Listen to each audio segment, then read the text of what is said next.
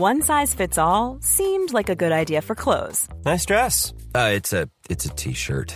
until you tried it on. Same goes for your healthcare. That's why United Healthcare offers a variety of flexible, budget friendly coverage for medical, vision, dental, and more. So, whether you're between jobs, coming off a parent's plan, or even missed open enrollment, you can find the plan that fits you best. Find out more about United Healthcare coverage at uh1.com. That's uh1.com. Hey, it's Danny Pellegrino from Everything Iconic. Ready to upgrade your style game without blowing your budget? Check out Quince. They've got all the good stuff shirts and polos, activewear, and fine leather goods, all at 50 to 80% less than other high end brands. And the best part? They're all about safe, ethical, and responsible manufacturing. Get that luxury vibe without the luxury price tag. Hit up quince.com slash upgrade for free shipping and 365 day returns on your next order. That's quince.com slash upgrade. Here's a cool fact a crocodile can't stick out its tongue. Another cool fact you can get short term health insurance for a month or just under a year in some states. United Healthcare short term insurance plans are designed for people who are between jobs, coming off their parents' plan, or turning a side hustle into a full time gig. Underwritten by Golden Rule Insurance Company, they offer flexible, budget friendly coverage with access to a nationwide network of doctors and hospitals. Get more cool facts about United Healthcare short term plans at uh1.com.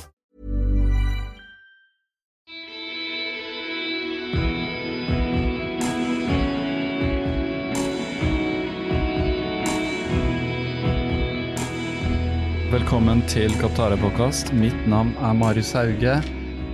Du er lytteren. Jeg er den som intervjuer store og små. I dag har jeg med meg en stor mann. Han heter eh, Henning Lauritzen. Han løp jeg bokstavelig talt rett på her på Nesodden for en stund siden. Um, jeg visste om han. Jeg hadde oppdaget han gjennom en uh, eh, liten sak han skrev om eh, løping rundt Lysakerelva. Det og mye annet kommer vi inn på i podkasten. Jeg skal prøve å få til meg litt mer i korthet denne gang enn forrige gang. Det er en tid for alt. Noen ganger er det en tid for alvor. Andre ganger er det en tid for ting som er eh, tilsynelatende alvorlig, men som man kan spøke litt med allikevel. Og det er vel kanskje det Henning Lauritzen gjør. Han spøker og har det ganske morsomt med å skrive om løpeturer og sykleturer og diverse som skjer han, og ting han finner på selv, på en eh, blogg som heter Langtur. Skal linke til den. Uh, veldig moro å snakke med Henning. Jeg eh, har hatt en særdeles uh, travel tid. Det har sikkert dere også. Hva som har skjedd? Plutselig er uh, alt skal foregå, alt skal skje på en gang. Vi gjør så godt vi kan. Uh, jeg lager podkast. Jeg har brukt mye tid i forkant av denne på det ene og det andre. Skulle gjerne hatt en researchassistent noen ganger, og en sekretær og noen som kunne hjulpet meg litt.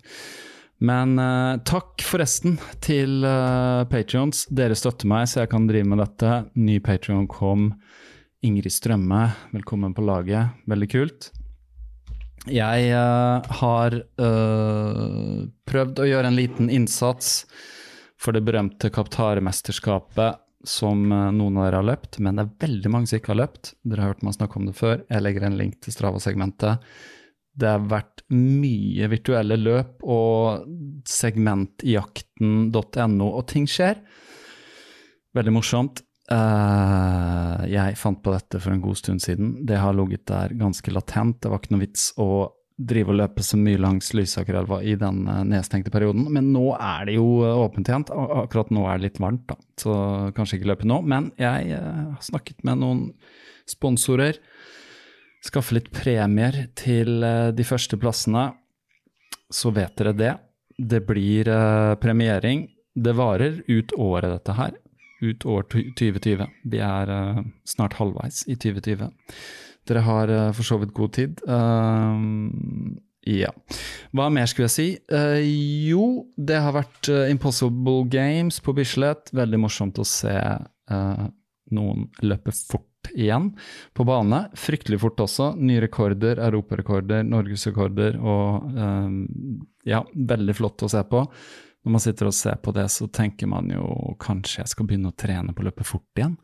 Det hadde jo vært fryktelig moro, men uh, vi får se hva det blir med det. Jeg har i hvert fall uh, løpt langt. Jeg skulle vært i helgen i Stockholm i Sverige. Som vi vet, så er Sverige blitt en uh, paria, nær sagt. Uh, uansett var det løpet avlyst. Jeg løp allikevel, virtuelt. Uh, man fikk jo det tilbudet. Hvis du løper distansen, så sender vi deg medaljen og goodiebagen. Så var ikke noe vits å be meg to ganger om det. Jeg meldte meg på og uh, måtte løpe da i et uh, tidsrom fra 11. til 14. juni, altså fra torsdag til søndag i uka som var, når jeg spiller dette inn mandag 15. juni. Jeg visste det kom til å bli en travel tid. Litt sånn familieting og litt sånn uh, styr og stell hjemme med å ordne på litt ting og tang som man må innimellom når lyset eh, står og skinner på kroker og kriker. Dere vet hvordan dere er. Det er dere som har barn. Man må flytte på ting og fjerne ting og holde på uh, innimellom. Dere som ikke har barn, gled dere til det, uh, kan jeg si. Det blir moro. Uh, hvert fall, hvor var jeg? Jo, jeg løp, så jeg fant ut at søndag Nei, unnskyld, søndag. Onsdag på kvelden så tenkte jeg hvis jeg våkner tidlig i morgen, så skal jeg spise havregrøten og dadlene og kaffen og vannet og alt det der, og så skal jeg ta trikken til Kjelsås, skal jeg løpe derfra, skal jeg løpe det virtuelle løpet. Og det var altså 32 km jeg da måtte løpe. Så det gikk jo selvfølgelig som det gikk. Jeg våkna tidlig, jeg, som jeg alltid gjør. Uh, heldigvis hadde jeg ikke lagt meg så seint, så jeg følte meg ganske ålreit. Så da var det bare å spise og sette alt klart til resten av familien, som da ville våkne seinere. Så ikke uh, de skulle få det travelt med å levere på skolen osv. Vi er to om det uh, hver morgen, som man er i en familie, som oftest. Uansett, jeg løp innover fra uh, Kjelsås, holdt meg på grusstiene, for jeg visste at jeg måtte tilbake til et Jeg starta vel sånn rett før halv åtte. Jeg måtte tilbake til et møte klokka tolv, helst litt før. Så jeg turte liksom ikke å begi meg rett inn i skogen med en gang, men det ble en veldig fin tur. Uh, det kan dere se, dere som følger meg på Strava. Det har dere sikkert sett også. Veldig morsomt. Uh, ble veldig varmt etter hvert. Jeg ble veldig sliten også etter hvert, men jeg løp ikke noe sånn veldig hardt. Men jeg raisa nå litt for meg selv der. Det føltes litt på slutten som et maraton etter å ha vært mye opp og ned og gjennom en myr og litt sånn. Men det var litt sånn i Henning Lauritzens ånd, bare å gjøre noe sånn, eh, ja, uten eh, å ha for mye plan på det. Henning løper jo uh, både langt og han sykler langt og sånn.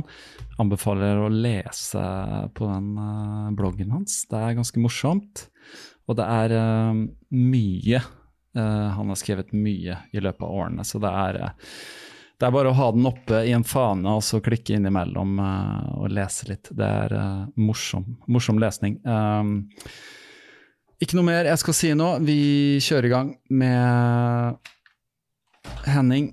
Og så kommer jeg tilbake til et par ting etter samtalen vår som kan være verdt å høre på. Uh, absolutt. Dere får en jeg kan love dere at dere får en veldig flott uh, avslutningssang i dag. Uh, ikke av vår vante uh, trubadur Sondre Lerche, men av en annen norsk trubadur. gleder dere til det? Her kommer Henning og meg. Velkommen, Henning Lauritzen. Tusen takk. Ja, Google Henning Lauritzen, så får du opp direktør i Eiendom Norge. Ja. Så det er ditt ene alter ego, og ditt andre alter ego er Hva er det? Er det uh, ultraløper, eller er det Nei, det tror jeg kommer ganske langt uti der. Ja. Men, uh, men, det kommer jo inn etter hvert, det også. Ja. Så hvordan skal man liksom definere Eller hva, hva, hva er du? Du har løpt uh, veldig mye lange løp? Ja, jeg har løpt ganske mange lange løp, men det er egentlig veldig morsomt, for jeg ser ikke på meg selv som en løper. Men jeg, jeg har en ultraidentitet, det må jeg innrømme. Men uh, jeg, når jeg ser løpere på gaten, så kjenner jeg liksom ikke noe sånn uh, tilhørighet til den gruppen. Nei. Og det er egentlig litt morsomt. For uh, du sykler òg, det gjør du. Og du har sykla lenge, ser det ut til. Ja, jeg har syklet eh, lenge, gått på ski lenge. Og så har jeg, eh, jeg har egentlig, Det er lenge siden jeg begynte å løpe også. altså Jeg, eh, jeg drev med orientering som barn og litt i ungdommen. Og så hoppet jeg ut av det når det ble alvor. Eh, Det var ikke noe morsomt. Og så har jeg prøvd meg litt på løping, men så fikk jeg en eller kjæreste en gang i tiden, og hun hadde en bror som løp maraton på 2,30.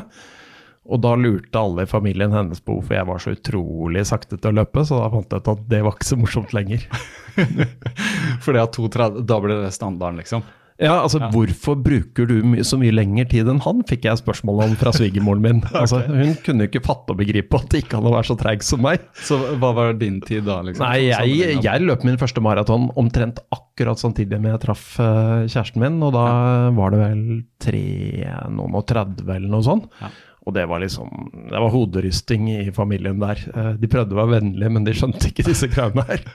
Så da var det liksom Ok, da ville ikke definere deg selv som en løper, for da måtte du liksom bli stilt i skyggen av han. Ja, jeg, jeg gjorde egentlig bare alle mulige ting. Det var sykling, det var løping, det var uh, triatlon, det var uh, ter mye terrengsykling. Eh, og så stilte jeg opp på en maraton, uh, aller første maraton i 91, og det var da jeg akkurat hadde truffet denne, og så ble jeg plaget. Så da stilte jeg opp på én til, og så gikk det veldig mange år før jeg løp igjen. Mm. Hva var det som fikk deg til å løpe maraton i utgangspunktet? Det er sånn man skulle gjøre? Nei, jeg tror, jeg tror, det, jeg tror det var mer at eh, jeg syntes det var veldig morsomt å bare prøve alle mulige forskjellige ting. Så eh, jeg syklet terrengløp, jeg syklet Trondheim og Oslo, jeg eh, deltok på triatlon. Uh, og da var det jo naturlig å løpe litt også. Jeg løp i skogen av og til, det syns jeg var deilig. Men uh, så stilte jeg på Oslo Maraton, og det var liksom Jeg hadde jo aldri hørt om noe lenger enn maraton, så det, det var liksom det lange man kunne gjøre. På 90-tallet, da var jo det altså, Det- Hvis vi snakker om ultra på 90-tallet, så må det ha vært liksom i en avkrok av en eller annen dal i et eller annet sted. Ja, jeg, jeg, altså jeg hadde aldri hørt om ult ultraløping den gangen, sånn at det var liksom utenfor det begripbare. Maraton var det lengste som eksisterte. Selv om man hadde, jo, man hadde jo den gangen, så hadde man jo f.eks. veldig mange som syklet Trondheim-Oslo. Jeg tror det var 5000 som syklet fra Trondheim til Oslo i 1991. Og det er jo egentlig ultra bare på sykkel. 500 km pluss. Ja, 540 km. Det tar liksom et, eh, opp mot et døgn. Mm. Har du gjort det òg, eller? Ja da, jeg har gjort det flere ganger på begynnelsen av 90-tallet. Og det var liksom Ja, det er langt, det er skikkelig gøy det også. Ja. Men det er ikke så slitsomt som å løpe langt, for man, man sitter jo bare og triller i nedoverbakkene. Ja, ja. Du kan liksom ta deg en kaffe på sykkelen og egentlig spise litt og Ja, og så er, så er jo liksom forskjellen at uh, når man sitter langt ute på og det kommer en liten nedoverbakke, så kan man slappe av litt. Mm. Det, du får jo aldri slappet av på løpingen. Nei. Må man ikke passe for ikke å sovne på sykkel? Jo, jo, man må passe å ikke sovne, og det er jo, eh, det er jo på en måte ultrasyklingens store problem. At uh, man kan sovne, og da kan det være ganske farlig. Har du hørt om noen som har uh, duppa av? Jeg har jeg holdt på å duppe av selv. Ja, ja. Jeg, eh, det, dette er ikke så veldig mange år siden, så jeg, hadde jeg tenkt å sykle tur-retur Bergen. Eh, og så startet jeg tidlig om morgenen, og så eh, hadde jeg Det var siste sommerferiehelg, tror jeg det var. Eh, Sånn at jeg hadde vært vant til å stå opp veldig eller sent. Men denne dagen sto jeg opp tidlig, så jeg tror jeg fikk tre og en halv time på øyet. Og da jeg kom bort, syklet ut langs Hardangerfjorden, så, så var det to ganger jeg tror kanskje jeg duppa i, i sånne slake utforkjøringer. Etter hvor lenge sykling var det? Der Nei, det var jo etter første natt, på en måte, da, Ja, ja. eller eh, tidlig på morgenen etter første Ja, natt. Så da fant jeg ut at dette, denne turen må jeg bare stoppe. Eh, jeg kan ikke sykle en natt til, det kan være farlig. For du farlig. skulle til Bergen og tilbake? Jeg skulle til Bergen, og så skal jeg kjøpe meg en burger, og så skal jeg helt tilbake igjen. I ett? I ett, ja. Ja. Så det, det ville jo på en måte være ett døgn frem, og så ett døgn tilbake. Mm. Og da var det jo tilbaketuren som jeg skjønte at dette er ikke sunt. Nei. Eh, Jeg kan ikke sitte oppe i Numedal og sovne på vei ned fra fjellet. Nei, nei, nei. Dette skriver du faktisk om. Akkurat den der leste jeg. Dette skriver du om på eh, Jeg kan lukke laptopen nå, for jeg trenger ikke det. Men dette skriver du om. eh, og du skriver om, når det er sagt, da Du har en, eh, en blogg, eh, Langtur. Ja. Eh, old school, vil jeg si. Ja, ja, veldig. Ja. veldig. Veldig kult at du har liksom Det er det formatet, sånn som jeg jo prøvde meg på blogg en gang. så var liksom sånn, Alt er smalt, og det var 800 piksler brede skjermer og sånn. Ja. Så du har fortsatt det formatet. Ja, ja, og jeg, historien er veldig morsom, fordi jeg gikk på en veldig lang tur på ski. Altså jeg, jeg tror ikke jeg leste blogger den gangen engang. Og så gikk jeg på en veldig lang tur på ski. Og så fant jeg ut at dette, altså, dette må jeg bare fortelle om, jeg må formidle. Og så gikk jeg inn på, eh, på den, en av disse bloggportalene, og så bare lagde jeg meg en blogg på den malen de hadde. Og så fant jeg ut at akkurat sånn som jeg lagde den da jeg var helt amatør, så skal den alltid være. Mm. Uh, sånn at den, den, er skikkelig old school. Og uh, datteren min, som har litt sans for estetikk, hun sier at hun nekter å lese den bloggen hvis jeg ikke gjør noe med designet. Og jeg tror ikke hun har lest noe på den hittil. Det hun kan gjøre, er å copy-paste teksten din og kanskje lage en sånn moderne versjon av den. Sånn at den tiltrekker seg liksom de store Ja, men nei, nei, nei, jeg skal ha den på akkurat den måten. Alltid. Så lenge jeg orker å skrive den. Ja, ja, Det er et prinsipp. Det er et prinsipp. Ja. Den, ser skikkelig gammeldags ut. Den ser gammeldags ut, men Altså, Unnskyld meg, det er, jo, altså, det er, jo, lesingen som gjelder, og så kommer det bilder. så Den funker jo. Ja, den funker. altså Det jeg kanskje savner, er å kunne få litt større bilder enn det som er mulig der. Ja, for det er et eller annet med at det formatet er så smalt at uh, Det er så til, smalt at ja. maksstørrelsen innenfor det formatet blir ja. ganske lite. Og hvis du blåser opp, så ser det helt ko-ko ut. Hvordan funker den på telefon og sånn? Nei, der, der funker den faktisk ganske ja. greit. Kanskje anbefale lese den på telefonen, for den er liksom lagd for uh... Ja, men det tror jeg det er mange som gjør, faktisk. For apropos det, den har ganske mange Jeg tror det står sånn antall lesninger eller visninger. Sånn, det er 300 og noe tusen. Ja, ja jeg tror uh, jeg, vet, jeg, vet, ikke om det, er, det kan være sånn ultrabloggen som har i hvert fall hatt flest sideklikk. Ja. Men det kan jo være samme person som har sittet og klikket veldig mye. Det vet det, jeg jo ikke. Det kan være kanskje 100 personer som har lest alt uh, kan, mange ganger. ja, det kan det være. Nei, så det, det, vet jeg ikke så mye om. Nei, ikke sant. Men det virker jo som, uh, uten at jeg kjenner deg og kjenner miljøet inngående og sånn i ultraverden, så virker det som du er liksom en Folk vet hvem du er der. Ja, jo, det tror jeg. Altså, jeg, jeg har jo vært med en stund, mm. og så, eh, så, har jeg jo på en måte jeg kanskje, kanskje vært litt synlig på noen måter. Mm. Og så, så har jeg jo Ja, altså bloggen og alle mulige sånne ting gjør jo at man mm. blir litt synlig også. Og så har du vært eh, Jeg vet ikke om det er akkurat de samme, men det er i Kondis òg, så er det en del eh, artikler du har skrevet. Jeg vet ikke om det er nøyaktig de samme som du har skrevet på bloggen eller ikke, men når jeg googla og researcha, så dukka det i hvert fall opp en del kondis. Uh, ja, ja, jo, det er, det er, det er kondis. Eh, der ligger uh, i hvert fall alle de som dreier seg om uh, ting som passer inn i kondis, ja, ligger på kondis og, også. Ja. Og så er det noe som har havnet sånn på Harvest og andre steder ja. også. Men det er også bare blogginnleggene i, egentlig identisk, men, men, med bedre utseende enn på min blogg. da. Ja. Morsomt at du sier det med Harvest, for det, det hadde jeg faktisk glemt å skrive ned her. Men det er der jeg uh, leste om deg første gang. Ja, ja, for at jeg abonnerer på uh, Eller får det nyhetsbrevet fra Harvest. Jeg husker ikke om det var sånn det skjedde, men jeg leste om uh, Lysakerelva, den Sonic Youth Ultra Trail. Ja. Av en eller annen grunn så skrev Harvest om det. Det var du som forfatta den? Ja, altså den, ja. den, ligger på bloggen min, og ja, så spurte der, Harvest om de kunne publisere den og gjorde de. Uh, hos seg. Ja, det gjorde og så leste jeg den, og da dro jeg ut og løp den der runden. det er veldig bra. Ja, det er veldig bra, for hvis du ser på Strava, det var kanskje den gang seks-sju stykker som hadde løpt uh, den. Det er rett og slett bare du starter der oppe på hva heter det, overgangen der. Ja, akkurat ved, ved Grinidammen. Ved Grinidammen, og så ja. løper du liksom nord, og så krysser du også ned ene siden og opp på andre siden. Ja. Uh, og jeg måtte løpe med liksom, for jeg hadde ikke løpt der før, så jeg løp liksom med Strava-segmentet live på telefon, og så plutselig var jeg inne i hagen til noen folk.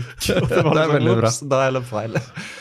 Men uh, uansett, uh, dette leste jeg kanskje Det må skrevet før Ecotrail uh, første gang. Sånn, fordi det begynte min første sånn Mitt første løp var Ecotrail. Ja, Eco det er sikkert fire-fem år siden i hvert fall. Ja, det må, må det være. Ja. Men fortell for de som ikke har hørt den historien, så er den litt morsom, hele den?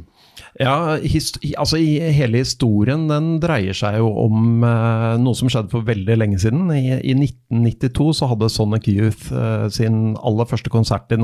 Og For de som ikke vet hvem Sonic Youth er, det kan være noen, så kan du ja, det, en, eh, Sonic Youth er et eh, ganske, eller var, må man jo si, for det er oppløst, men ganske progressivt eh, band fra New York som, som egentlig var ganske definerende for en sånn type musikk som kona mi f.eks. hater, og mange, mange hater det, uh, mange elsker det. Mm. Det er ganske støyende, ganske disharmonisk av og til, men uh, De var i hvert fall der på 90-tallet veldig sånn disharmoniske. de, de var de, det. ble litt mer harmoniske, vil jeg si, etter hvert. Ja da, og de kan Ja. jo være litt søte og melodiske Ja, ja, av og til også. Men uh, nede i kjelleren på da oppå på Chateau Neuf, så, så, hadde de, så hadde de konsert, og den ble avsluttet med 10-12 minutter sånn gitarstøy. Mm.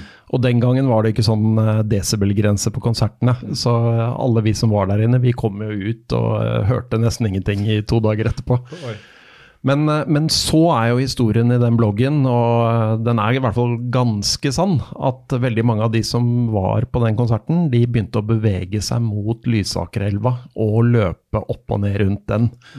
Og, eh, og så gjør man da det fortsatt. Og så beskriver jeg en del av de tingene som mm.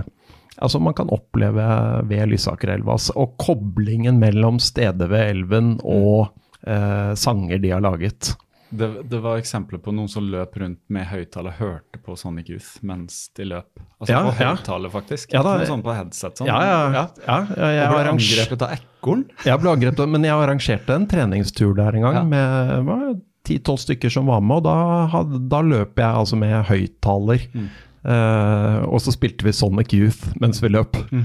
Og det ble veldig plagsomt for meg, fordi jeg hørte jo ingenting hva noen sa. Nei, nei, nei. Jeg hadde den rett i sekken, på en måte, så de som var fem meter unna, hadde det helt bra. Det hørte, når man leser om det, høres ut som sånn kultusgreie, liksom. så veldig sånn smal ting.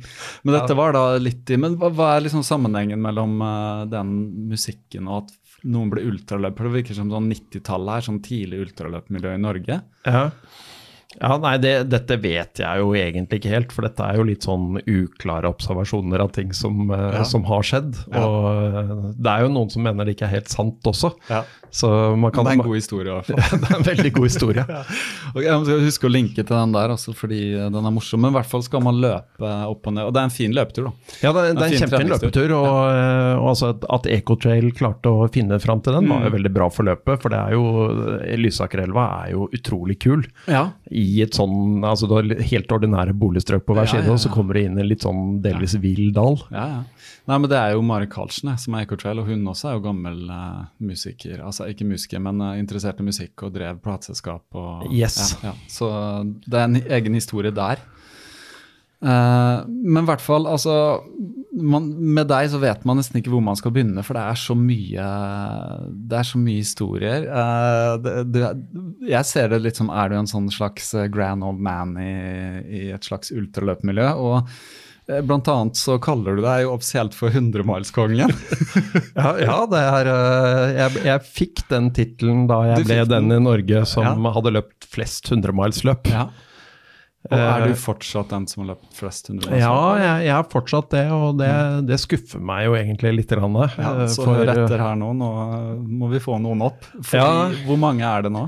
Nei, jeg har, jeg har egentlig bare 13. Ja. eh, og så, så er det Gunna Fehn har vel 10. Mhm. Og så er det Mari Mauland som jeg tror hun kommer som nestemann med 9. Mm. Og hun, hun må virkelig komme og passere meg snart. Ja, hun det hører tror jeg er viktig. På, så, ja. Jeg håper jo hun gjør det. ja, Hvis ikke skal jeg sende henne, sende henne opptaket. Ja. Men eh, når, begynte, når var det første løpet ditt? Det var i 2014. Ja, så det ikke- Eh, det- I hvert fall det første 100-milsløpet. Ja, ja. Så eh, nå, er det jo sånn at uh, da løper jeg ett, ja, og så har det gått litt sånn i bølger uh, Mm. etter det. Og du beskriver også, for de som er interessert i å lese om dette, så er det jo eh, beskrivelse av alle, så vidt, jeg, så vidt jeg vet. Alle de har havnet på bloggen. For blogg, Ja. bloggen den begynte jeg i 2013 med det elendige designet. Ja, Og første 100-milsløp kom da etter det, så de har fått være med alle sammen. ja. Hva var det som førte deg til eh, 100 miles? da? Jeg regner med at du har løpt en eh, Du snakka om maraton nå, men eh, du har vel testa en del mellom Forresten er det litt morsomt skriver på bloggen at uh, alle mine løp og sånn skriver om men korte aktiviteter som uh, maraton er ikke med. så det er greit. Men, uh, men det er noe mellom 100 miles og en maraton der som du har løpt og, og fått prøvd deg på Ja, også, regner jeg? Jo da, det er det. Jeg tror vel egentlig at Altså, lø løpingen var jeg tror ikke jeg var med på noen løp etter 1992. Mm. Eh, og så kom egentlig det første løpet jeg var med på da, det var Ultrabirken-løp i 2010. Og det, den gangen så gikk det fra Rena til Lillehammer over fjellet. Uh, litt sånn parallelt med der hvor skiløp og sykkelrittet går. Og jeg hadde aldri, da hadde jeg aldri hørt om ultraløp. Uh, Jeg syklet det som het Ultrabirken, og så leste jeg om dette. Og det var 75 km og gikk i ganske mye myr og uh, sånn ganske sånn tung løype. Og så kom jeg i mål på rett under ti timer og var helt uh, langt, langt oppe, rett og slett. Uh, jeg var sinnssykt sliten. Og så skjønte jeg jo bare at dette her er jo en hard sport. Altså den syklingen som jeg var med på hvor man bruker seks timer og sånn på lange ritt, det, det var ikke noe hardt. Så da, da dukket liksom interessen for uh, å finne ut mer om ultraløpene opp. Og så løper jeg eh, noen ganger på Bislett inne. Eh, da syklet jeg veldig mye terrengritt, så jeg hadde egentlig ikke tid til så mye løping. Men det inne er jo litt spesielt, eh, kan man jo si. Og så var det jeg da i 2014 eh, løp et par litt kortere løp, sånn 75 km. Og så kom da i mai dette 100-milsløpet eh, som jeg stilte opp i England. Og det heter Eh, Thames Path eh, Ja. 100 går fra London til Oxford. Det har jeg hørt om. Ja, og det, det er jo sånn perfekt debutantløp. Altså det, langs Themsen. Eh, det er så flatt det kan være når det er, ikke er inne. Eh, og så eh, vakker natur, eh, sånn søte engelske landsbyer som ligger eh, opp langs Themsen, og, og gangveier og sånn. Så det, det var jo liksom helt perfekt eh, løp å debutere på. Og så syns jeg det var skikkelig kult eh, å eh, løpe gjennom hele natten og eh, ja, og så komme i mål og sette seg ned og nesten ikke klare å reise seg etterpå. Alt det som alltid skjer når man løper sånne løp. Og så fikk jeg eh, Da kjente jeg vel egentlig at dette er en sånn perfekt distanse. Eh, Den er så lang at den er hard. Man, man blir liksom skikkelig sliten. Og så kan man ikke være sikker på at man klarer det. Samtidig så kan man gjøre den eh, kombinert med et ordinært liv. Altså det tar liksom en helg eller en langhelg. Men trening opp mot er jo det folk henger seg opp i alltid, da. Sånn som meg, f.eks. Ja. Hvis jeg skulle løpt 100 miles, for det er litt morsomt du sier, jeg sendte, sendte deg en bloggen eh, til en kompis som bor i Bergen. Eh, Jeg leste den her, og han skada seg, så han kan ikke løpe, da. Så jeg prøver liksom Ja. Gi en ting han kan kose seg med. Så sendte bloggen. Ja, jævlig bra greier. Og ja, Thames 100 miles. Ja, det har jeg tenkt på å løpe, og blir med 2021 eller 2022? Og sånn, så tenkte jeg sånn ja, kan vel det, men så begynner jeg å tenke sånn, hvordan skal jeg klare det? Og så, jeg løper jo mye, men jeg, jeg blir jo sliten av å løpe maraton. Men jeg skjønner jo at det handler jo ikke om den farta. Altså, men Nei. jeg har ingen tro på at jeg vil klare det. I hvert fall ikke sånn som nå, da. Men jeg skjønner at du sykler mye, og det hjelper jo å bare ha bein som brukes, selvfølgelig. Ja. For det virker jo ikke som du trener noe sånn. Jeg, jeg trener jo ganske ekstremt lite, egentlig. Ja. Men du sykler, du syk pendler jobb, og du liksom, du virker mye aktivitet sånn generelt. Ja, ja, men jeg har eh, Altså, jeg sluttet med orientering som jeg drev med, f.eks. For eksempel, fordi jeg måtte begynne å trene. Mm. Når var dette, da? Eh, Nei, dette var da jeg gikk på ungdomsskolen. Ja, ikke sant? Da løp jeg konkurranse, og så er det sånn Skal dere være med videre nå, så må dere stille opp på tirsdager og onsdager, og vi skal løpe intervaller osv. Ja, ja. Og trening syns ikke jeg er noe gøy, så da tenkte jeg da slutter jeg bare med det. der. Altså, da er det litt sånn enten-eller, i hvert fall. Ja. Så kom jeg tilbake til orienteringen som student igjen, for da kunne jeg bare tulle rundt som, og leke, på en måte. Eh, og akkurat det samme er det, er det med løpingen og alle mulige andre ting. Jeg tror aldri jeg har dratt ut for å trene til noe. Eh, sånn at eh, hvis jeg våkner en lørdag, så kjenner jeg nei, nå har jeg lyst til å sykle, og jeg har noen timer fri, så gjør jeg det. Eh, kanskje en skitur, kanskje en løpetur. Så, og det gjør at det er helt håpløst det jeg driver med. Eh, sånn, hvis man skal ha prestasjoner, så er det, så er det jo liksom helt mislykka strategi. Men eh, da blir det veldig morsomt, og så blir det veldig fritid ut av det. For jobb for meg, det er på en måte klokkeslett, eh, avtaler, mm. skjemaer og- oppgaver osv. Men da syns jeg det er deilig å på en måte Nå er, det- nå er det fritid, da samme hva jeg gjør, på en måte. Ja. Så, så når vi snakker om liksom et gap fra 92 til 10, så er det kanskje liksom du hadde mindre barn, og livet blir litt sånn Ja, Ja, jeg hadde, ja, det, gapet var litt kortere, for jeg, jeg hadde, var ganske aktive år uh, også i den perioden. Det var bare det at det ikke var løping. Det var, uh, jeg syklet Trondheim-Oslo, syklet en del landeveisritt. Jeg var med på litt triatlon, og, og så syklet jeg mye terrengritt. Så var jeg sånn eh, Jeg var ikke sånn supergod, men jeg var sånn halv, halvgod. Eh, sånn at det kunne gå ganske fort også. Og så det, var det en sånn tid hvor eh, terrengsyklingen i Norge var veldig sjarmerende. Det var litt sånn i barndommen. hvor Du liksom, du var inne i Nordmarka, og så så du et spor, og så visste du på dekket hvem som hadde syklet der. Eh, sånn som eh, sporten definitivt på en måte utviklet seg vekk fra etter hvert. Ja. Mens, mens langdistanse ultraløping i Norge er jo litt grann på samme måte. For det, det ligger jo liksom i sakens natur at det kan aldri bli altfor mange som driver med det.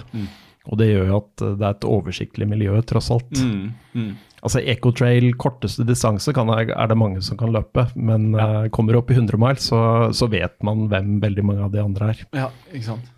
Det virker som det er, ja, det er liksom en rundt sånn 50 stykk som driver med det, eller et eller annet sånt. Ja. Ja. Nei, og så eh, fikk jeg første barn i 96, og da var det noe frem til uh, og den andre barn i 98. Og da var det liksom sånn, ja, si 96 til 2000, de var litt roligere. Ja. Og så Ja, tok aktiviteten seg opp igjen. Det er mye bleiskift og lite søvn og Da var det lite energi, rett og slett. Men det snakka vi om før vi starta opptaket her, at uh, det, hjelper jo litt det òg på ultraløping, for du har jo vært våken et par netter, liksom. Eller, Ja, sånn- ja, ja. eller i hvert fall fått sove en halvtime og våken og Ja, men alle, alle sånne erfaringer hvor man skjønner at man dør ikke at man ikke har sovet. Det er jo, du, man kan jo av og til høre mennesker som er helt desperate. De kommer på jobb og så forteller de, 'Å, vet du hva, jeg våkner klokken fire i dag'. Men det gjør jo ingenting. Nei, gjør ingenting. Man kommer seg gjennom det, og det lærer man når man har småbarn. Ja, man gjør det. man gjør det, det er sant. Men ja, i hvert fall um, Men eh, du fikk tittelen, altså 100-milskongen. Er det litt sånn i miljøet, liksom? Det er sånn oh, Henning, nå har du løpt ti, og eh, du er kongen, og sånn? Jeg husker ikke helt hvordan den egentlig dukket opp. Eh, Det kan være jeg hadde en finger med i spillet selv også. Må ha noe å skrive om. og- Men ja, ja og så var det jo altså, Det er jo litt sånn for å forsøke å provosere frem noen andre til å ta Ja. meg igjen, Ja. For det, det er jo noe av målet, på en måte. For da kan jeg få en drivkraft til å trille videre. Ja, jeg ser, jeg ser at du er, eh, du er litt på den eh, Ja, holdt på å si streamen der. Og provoserer litt. Blant annet så skrev du om eh, at du er Norges beste ultraløper. Ja. Du er intervjuet eh, som Norges beste ultraløper. Det er et veldig bra intervju, for det er, eh, det er rett og slett Du tar på deg Trump-drakta. Dette, Og er skamløs, uh, selvisk og uh, ingen selvinnsikt. altså, jeg sto opp uh, midt på natten for å følge med det amerikanske valget. Ja. Og så satt jeg der med PC-en på fanget i stuen og skjønte at eh, det utrolige hadde skjedd. Mm. Eller det tragiske hadde skjedd, da, som jeg tenkte der. Og så tenkte jeg bare ok, dette må jeg bare gjøre noe med. Nå må jeg bare skrive det ut. skrive ut frustrasjonen. Ja. Og så skrev jeg da eh, dette innlegget hvor jeg er like kjip som uh, det man visste om Trump den gangen. Ja. I dag hadde det nok blitt litt verre, det innlegget. Eh, men da var det jo disse historiene med kvinner og eh, plaging av, av folk osv. som man visste om. Ja, alle var litt sånn sjokkert. Men det er Men eh, så, så det er Ja. eh, det er det som er den bloggen litt. Og du skriver jo med Altså, det er jo veldig ironisk, for vi er jo eh, Du er litt eller meg, da, men 90-tallsgenerasjonen. Uh, tjukt med ironi. Ja. Og det skjønner jo ingen i dag. Nei, de gjør ikke det. De skjønner det ikke i det hele tatt. Så det er, vi må bare advare, da. Hvis du leser bloggen din, så må man forstå at det er ganske mange lag her. Absolutt. Det er veldig mange lag. Og det er en god del morsomme ting. Det er bl.a. inndelt typer av uh, ultraløpere, f.eks. Ja, ja. Så der kan det være en del morsomt. Uh, du har vel observert en god del? Uh, Det har jeg. Gjennom tid. Hva, hva vil du si er sånn, hvis du vil si noe litt sånn generelt om når du drar et sted i verden eller stiller på 100 miles og de der, hva slags, Går det an å si noe om mennesker? altså Hadde typeinndeling, da, men er det sånn observasjoner der? Hva kan man si? Ja, det, det, som kanskje slår meg aller mest når jeg har dratt rundt og løpt, det er jo hvor like løperne er når man kommer fra et land til et annet. Eh, og det tror jeg igjen har sammenheng med at langdistansemiljøet er så lite at man, man har på en måte en eller annen sånn form for åpne armer i forhold til alle, for det er ikke så innmari mange. Så du behøver ikke å, å slite deg ut. Uh, og, det, og det gjør egentlig at enten Nå har jeg vært veldig heldig og vært mange steder rundt og løpt morsomme løp. og eh, jeg, jeg føler meg jo veldig hjemme med en gang jeg kommer til et eller annet land et helt annet sted. Det er liksom den samme gjengen, eh, og man sitter og prater om de samme tingene. Som er hva, eksempel? Nei, det, altså før et hundremilsløp f.eks., så, så er jo den der litt sånn kriblende spenningen. Alle føler de har fått trent litt lite, alle føler at de er litt grann uvel akkurat den dagen. Man er liksom Ja, det blir, det blir sånn helt sånn klassisk sånn syke seg litt ned før start. Og, og så er man jo litt opptatt av om man har tatt med de rette tingene og lurer på man, hva andre har med seg osv. Og, så og så er det mye prat om løypa og sånne ting. Og det, det er liksom, det er helt fast. altså. Det er akkurat som det ikke er noe forskjell på nasjonalitetene. Det er eh, Men f.eks. det her Thames-løpet, vil du si at eh, er det liksom mulig for eh, sånne tullinger som meg å, å kunne gjennomføre? Hva burde jeg gjøre hvis jeg sier til han kompisen min ja, jeg er med i 2022? Eh, altså Jeg er jo helt sikker på at uh, du ikke har noe store problemer med det, men så, så er det jo du, må, du vet jo hva slags person du er, det gjør ikke jeg. Jeg, jeg vet ikke om jeg vet hva det er. Nei, ikke sant, det vet man ikke. Ja, men Jeg det har lyst til å finne ut litt mer om meg sjøl. Altså. Ja, og, og, det, og det er noe av det fine med disse langløpene, At man blir på en måte Man kommer så eh, langt nedpå og innpå. Eh, at eh, man, man finner jo ut en del om seg selv. Og en ting som også er veldig morsomt, er jo at man blir ekstremt godt kjent med andre av og til. Fordi eh, den, den man prater med når, når man er på det laveste, eller de er på det laveste, de, de får man jo en sånn slags bånd til, rett og slett. Ja, hvis du tenker, Når noen er liksom helt uh, syka ned der et eller annet sted midt på natta, og du kommer løpende opp til det, går det bra og sånn, Ikke sant? så, te- så er, er, det er- det er bare mørkt og alt er for jævlig. Ja. ja. Hvor er neste pub, liksom? Ja, eller man, man løper sammen, ikke sant. Ja. I, sånne, I perioder hvor man egentlig er eh, ganske nede, så blir man, eh, man blir jo veldig godt kjent. For man Ja. ser, de fleste av oss beskytter oss selv litt mot andre mennesker. Ja, ja, helt. Men- Hvis ikke så hadde vi ikke orka å gå ut. Nei, det hadde vi ikke. Hvis det skulle hver eneste person vi møtte vært sånn. Men da er liksom alt borte, ikke ja, ja, sant. ja. Så, det er hevla ned. Ja, ja, det, er, det er liksom borte. Har du hatt uh, sånn sjøl, da? Har du liksom åpna deg litt tilfeldig og sånn, eller? Ja, det, det, det tror jeg at jeg har gjort mange ganger. Uh, og, altså, jeg har jo skravlet med veldig mange om veldig mye rart. Og, eh, og der blir jo ofte litt sånn Plutselig så utveksler man litt sånne livshistorier, litt personlige ting, til en vilt fremmed i Spania oppe i noe fjell midt på natten. Eh, og så blir man Så får man jo et sånn bånd som, uh, som kan være litt sterkere enn til en del andre mennesker man har sett mer. Ja. Tror du det er en av grunnene til at eh, mange stiller om og om igjen eller på disse løpene? Ja, Får liksom lyst jeg- til å jeg, jeg har lyst i dag Jeg trenger liksom å, å gå litt inn i meg sjøl og noen andre og Jeg, vet, jeg, altså, det med andre er jo litt mer sånn utenfor ens egen kontroll, men uh, det å klare å bli så sliten at uh, man, man på en måte kommer helt inn på beinet, det lykkes man jo lett med hvis man vil. Og, og, det, og det er jo også en sånn veldig fascinerende opplevelse, egentlig. Og det er som du sier, at eh, jeg har lyst til å lære litt mer om meg selv, men, men det gjør man jo. Ja, ja. For uh, man, da vet man liksom hvordan man blir. Så Tror du Altså hva, hva, For å si det litt sånn konkret, da. Hva, hvis jeg skulle funnet på å gjort det her i 2022, da. Altså nå bare sånn Du vet jo ikke så mye om meg, men jeg har vært veldig opptatt av det klassiske som løpere er opptatt av. Når de finner ut de kan løpe, så vil de teste seg på 10 km, halvmaraton og maratontider og sånn. Og det er liksom naturlig det, å få se hvor grensene går der. Og så Ja. etter hvert så blir man litt sånn ja, blir sånn lei av det, eller skjønner at det må veldig mye strukturert trening til og sånn. Mm. Og det kan være gøy i perioder, men det er jo veldig sånne ting som kan lage litt stressmoment. opp igjen Og så er det noen som løper maraton på to timer, så Det liksom, om man gjør aldri så mye, så kommer man liksom aldri noe i nærheten. Og det er jo så morsomt, du skriver om i bloggen liksom, at du mobber de som løper to og en halv time. Og Du er en halvtime bak, liksom. Så hvorfor gidder du dette? Så det er litt sånn, du vil aldri være i nærheten uansett så om du løper på to og en halv eller tre nå.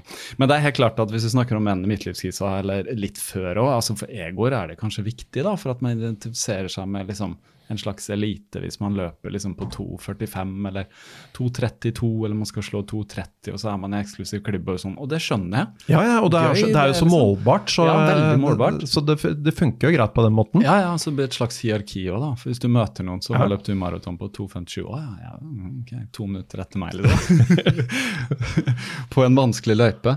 Men, eh, men i det siste så har jeg i hvert fall tenkt sånn eh, Det har vært korona og alt det her, og løp ble avlyst, og man gadd ikke trene så spesifikt lenger. Så har jeg mer sånn bare løpt på gefühlen og ut på sti og sånn, så merker jeg at jeg kan jo egentlig løpe mye mer enn jeg tror. Ja. Hvis jeg ikke er så veldig opphengt i å ha sånne harde økter eh, to ganger i uka og én langtur, liksom. Hvis jeg. Men, det, men det, kan, det det, kan, på det kan jo være altså, harde økter eh, to ganger i uka eller fire ganger i uka er tingen for deg. Ja, altså. Det, det vet man jo ikke. Nei, men jeg har aldri, jeg, jeg aldri funnet meg helt inn, komfortabel med masse sånne intervaller og sånne ting. Nei. Noen ganger så liksom føler jeg at det blir mer en plikt, da. Mm. Fordi det står i et treningsprogram eller noe sånt. At jeg må gjøre det. Ja. Hvis jeg går glipp av det, så faen, hva skjer med den neste økta? Skjønner du? At man blir, Ja, liksom, ja, ja, lager seg masse, masse liksom, ting rundt det. Men eh, For jeg har sett på andre at kan løpe liksom 70, 80 og 100 km i uka, men så skjønner jeg det er jo mulig hvis man kombinerer litt med sånn løp til jobb, eh, løpe litt mer i marka og sånn. Jeg merka jeg løp i marka i går, og det skulle egentlig være en rolig tur, men så var det gøy å løpe, og så satte man opp farta litt, og så kjente man wow, jeg har en kjempeflyt nedover. Så ble det en god økt, Ja. selv om man ikke har planlagt noe spesielt. Da. Men her, her tror jeg det liksom er uh, i veldig stor grad personligheten som avgjør hva, hva man bør ende opp med. For uh, altså jeg, jeg er kanskje et slags ytterpunkt på skalaen, Uh, og andre liker strukturen og treningsprogrammet og, og pliktfølelsen, kanskje. Eh, sånn at og det, og det er jo på en måte greit at vi er de forskjellige stedene. Ja. Hvis ikke Men- så hadde det jo vært helt fullt på alle hundremilsløp. Ja, det hadde vært helt fullt på alle hundre meter. pl- Pluss at min oppskrift er jo kjempedårlig. ikke sant? Det er jo sånn, jeg, delta, jeg har jo deltatt på løp og hatt elendig treningsgrunnlag. Og det er klart, eh, du får, ikke noe, du får liksom ikke noe god siste ti timer. Nei. Hva, hva, vil du, altså, hva vil du si er et elendig treningsgrunnlag? da? Jeg hadde, jeg, altså jeg hadde en sånn eh, Haglund sel, het det, så jeg måtte få sle, spikket bort litt av helbeinet. For det Eh, lagde pro problemer for akilles. Ja. Og så eh, Altså, en, du måtte ha en operasjon, et skikkelig inngrep? Ja, ikke sant. Jeg, jeg, var, eh, jeg var og løp oppe i fjellene i Trollheimen, og så, så fikk jeg utrolig vondt i det ene beinet, og så veldig sånn stor hevelse på hælen. Hadde vært litt sånn øm på hælen en stund. Og så var jeg som alle menn nesten alltid er, at eh, det var sånn Dette går jo over. Jeg har faktisk aldri hatt noen skader eh, noen gang, så jeg var vant til at ting gikk over hvis det var et eller annet. Så jeg gikk liksom og somla og så videre, og så skjønte jeg jo ved juletider at nå må jeg gjøre noe. Jeg gikk jo sideveis i trapper og Hvor, hvor lenge hadde du gått med det? Nei, det var vel eh, fra september til jul, eh, sånn at da hadde jeg liksom rota bort mye tid. Og så kom jeg meg til lege etter nyttår, rett etter nyttår, og så var det egentlig beskjed at du må opereres. Eh, Og så var det sånn at hele familien skulle til New York i påsken. Eh, og vi, vi skulle ikke bare det, vi skulle kjøre bil og noe greier og sånn også. Og kona mi hater å kjøre i utlandet. Så jeg skulle liksom kjøre sånn Jeg må utsette til etter den. Så da, da ble operasjonen etter påsken. Og så tok det faktisk elleve måneder hvor jeg ikke løp en meter. Elleve måneder? Elleve måneder, Det er ganske lenge. Ja, fordi når man er ferdig med en sånn operasjon, så er det liksom ca. et halvt år før man eh, Ja. kan løpe igjen. Selv om det bare er noen sånn småting, så går det utrolig tregt. Ja. Og så prøvde jeg i flere år å komme med på den Western States eh, 100 miles. Og jeg hadde kvalifisert meg eh, fire år på rad eller et eller annet sånt. Og da er det sånn man detter ut av lotteriet hvis man ikke fortsetter å kvalifisere seg. Så hadde jeg bare én mulighet igjen til å, til å komme med. Og det var å kvalifisere meg på et, eh, et løp jeg allerede egentlig var påmeldt, som gikk i USA. eh, I Virginia, oppe i fjellene, som het Grindstone. Og da hadde jeg akkurat seks måneder eh, fra jeg på en måte kunne løpe første gangen, til jeg sto på startstreken i, eh, i det løpet. Ja. Og det var 100 miles og jeg husker ikke, altså, 6000-7000 positive høydemeter osv., så, videre, så det var jo en del opp og ned. Og jeg, var, jeg, jeg husker jeg sto på startstreken, og så tenkte jeg bare Her er vi eh, 300, eller hva vi var. Og ingen er dårligere i form enn meg. Og det, altså det, var, det, var, ikke sånn jeg tenkte som bare var tull. Var, altså jeg er helt sikker på at ingen var dårligere i form enn meg. Uh, og så var, så var, det liksom bare å komme seg ut, og da var det jo Det var ikke kroppen som brakte meg gjennom de 100 milesene, det var jo liksom viljestyrken. Ja. Du kom deg gjennom? Jeg kom meg gjennom, ja. og eh, jeg, eh, jeg skal vi si, sørget liksom for å få litt grann avstand til, til den der cutoff-tiden som kom bak. Mm. Så jeg opparbeidet meg fem timer eller noe sånt på den da jeg var halvveis. Mm. Og da jeg dro mot mål, så tok jeg sånn kontrollert og slaket av. Så jeg kom nærmere og nærmere den, så jeg tror jeg var i mål halvannen time før den. Hvor mange timer tok det? Jeg lurer på om det var sånn 37 og en halv eller et eller annet i den duren. Så det, det, følte jeg var ganske lurt. 36,5 var det kanskje, men det, at det var ganske lurt da liksom eh, prøve å bruke minst mulig krefter for å komme i mål. Da var det mm. bare å komme seg i mål. Hvordan hadde du det på slutten da? Siste Nei, da, altså, Etter å ha passert et døgn, så tenker jeg at da ja. ja. Løpet begynte om kvelden, og det var i USA. Mm. Og jeg hadde jo fløyet over to dager i forveien, mm. sånn at uh, det var jo midnatt for meg da vi startet, egentlig. Mm. Så natt nummer to, da løper jeg oppover, sånn sakte oppover en sånn fjellskråning. Mm. Og så kom det en sånn liten Robert Mugabe som sto ved siden av meg på stien og hoppet opp og ned. Oi. Og han hadde sånn full størrelse menneskehode, men han var ikke høyere enn ja, si 70 cm eller noe sånt. Og så var han skikkelig sint, da. Og jeg bare kikket på han, og jeg skjønte det var en hallusinasjon. Oi. Og så fortsatte jeg videre oppover, og så sto det plutselig en sånn åtte meter lang sau uh, som bare snudde hodet og så på meg på en sånn veldig rar måte. Så var det liksom sånn mm, ja, Dette kan jo ikke stemme. og så bare Og det er liksom så klart som dagen? ja, det, det er så klart som dagen. Det er, ikke, det er, liksom ikke en busk som ser ut som et eller annet. Men, det var bare en busk, ja. ja for det kan man liksom oppleve hvis man har vært ute litt sent eller sovet lite osv. Men, og så kom det store problemet. Det var eh, Jeg kom opp i, over en sånn egg i tåken. Og så plutselig kom det en mur i veldig mange fine, vakre sånne fargesjatteringer opp av bakken foran meg. Og så tenkte jeg sånn Å, søren, altså, hva gjør jeg nå? Jo, jeg må gå litt til venstre. Og så gikk jeg ut av stien til venstre. Og der kom det en ny mur opp. Og så Ja, ja, ikke noe problem, jeg går bare til høyre. Og så gikk jeg til høyre, og der kom neste mur opp. Og så var det liksom sånn Må tenke. Dette er jo hallusinasjon. Mm. Så lukket jeg øynene et par sekunder. Mm. Og så åpnet jeg dem, og så var muren borte. Mm. Og resten av turen så så jeg Da så jeg veldig mye rart. Men så var jo, var jo på en måte formen såpass dårlig at uh, jeg var skikkelig sliten da jeg kom i mål. Og så, Vi bodde i telt alle sammen. Så, så kom jeg meg til teltet som var like ved målområdet. Og så orket jeg ikke å gå til dusjen, hvor det var 500 meter eller noe sånt. Så jeg gikk bare bort til en sånn liten bekk, og så bare la jeg meg uti den. Først på ryggen, og så på magen. Og så krøp jeg inn i teltet. Og det var noe matservering og sånn også, det orket jeg ikke å gå opp til. Så hadde jeg en pose med rosiner. Så jeg spiste sikkert 300 gram med rosiner. og Kunne du drikke vann nå, eller? Ja, jeg hadde, nei, jeg hadde drikke. Det hadde jeg sørget på på forhånd.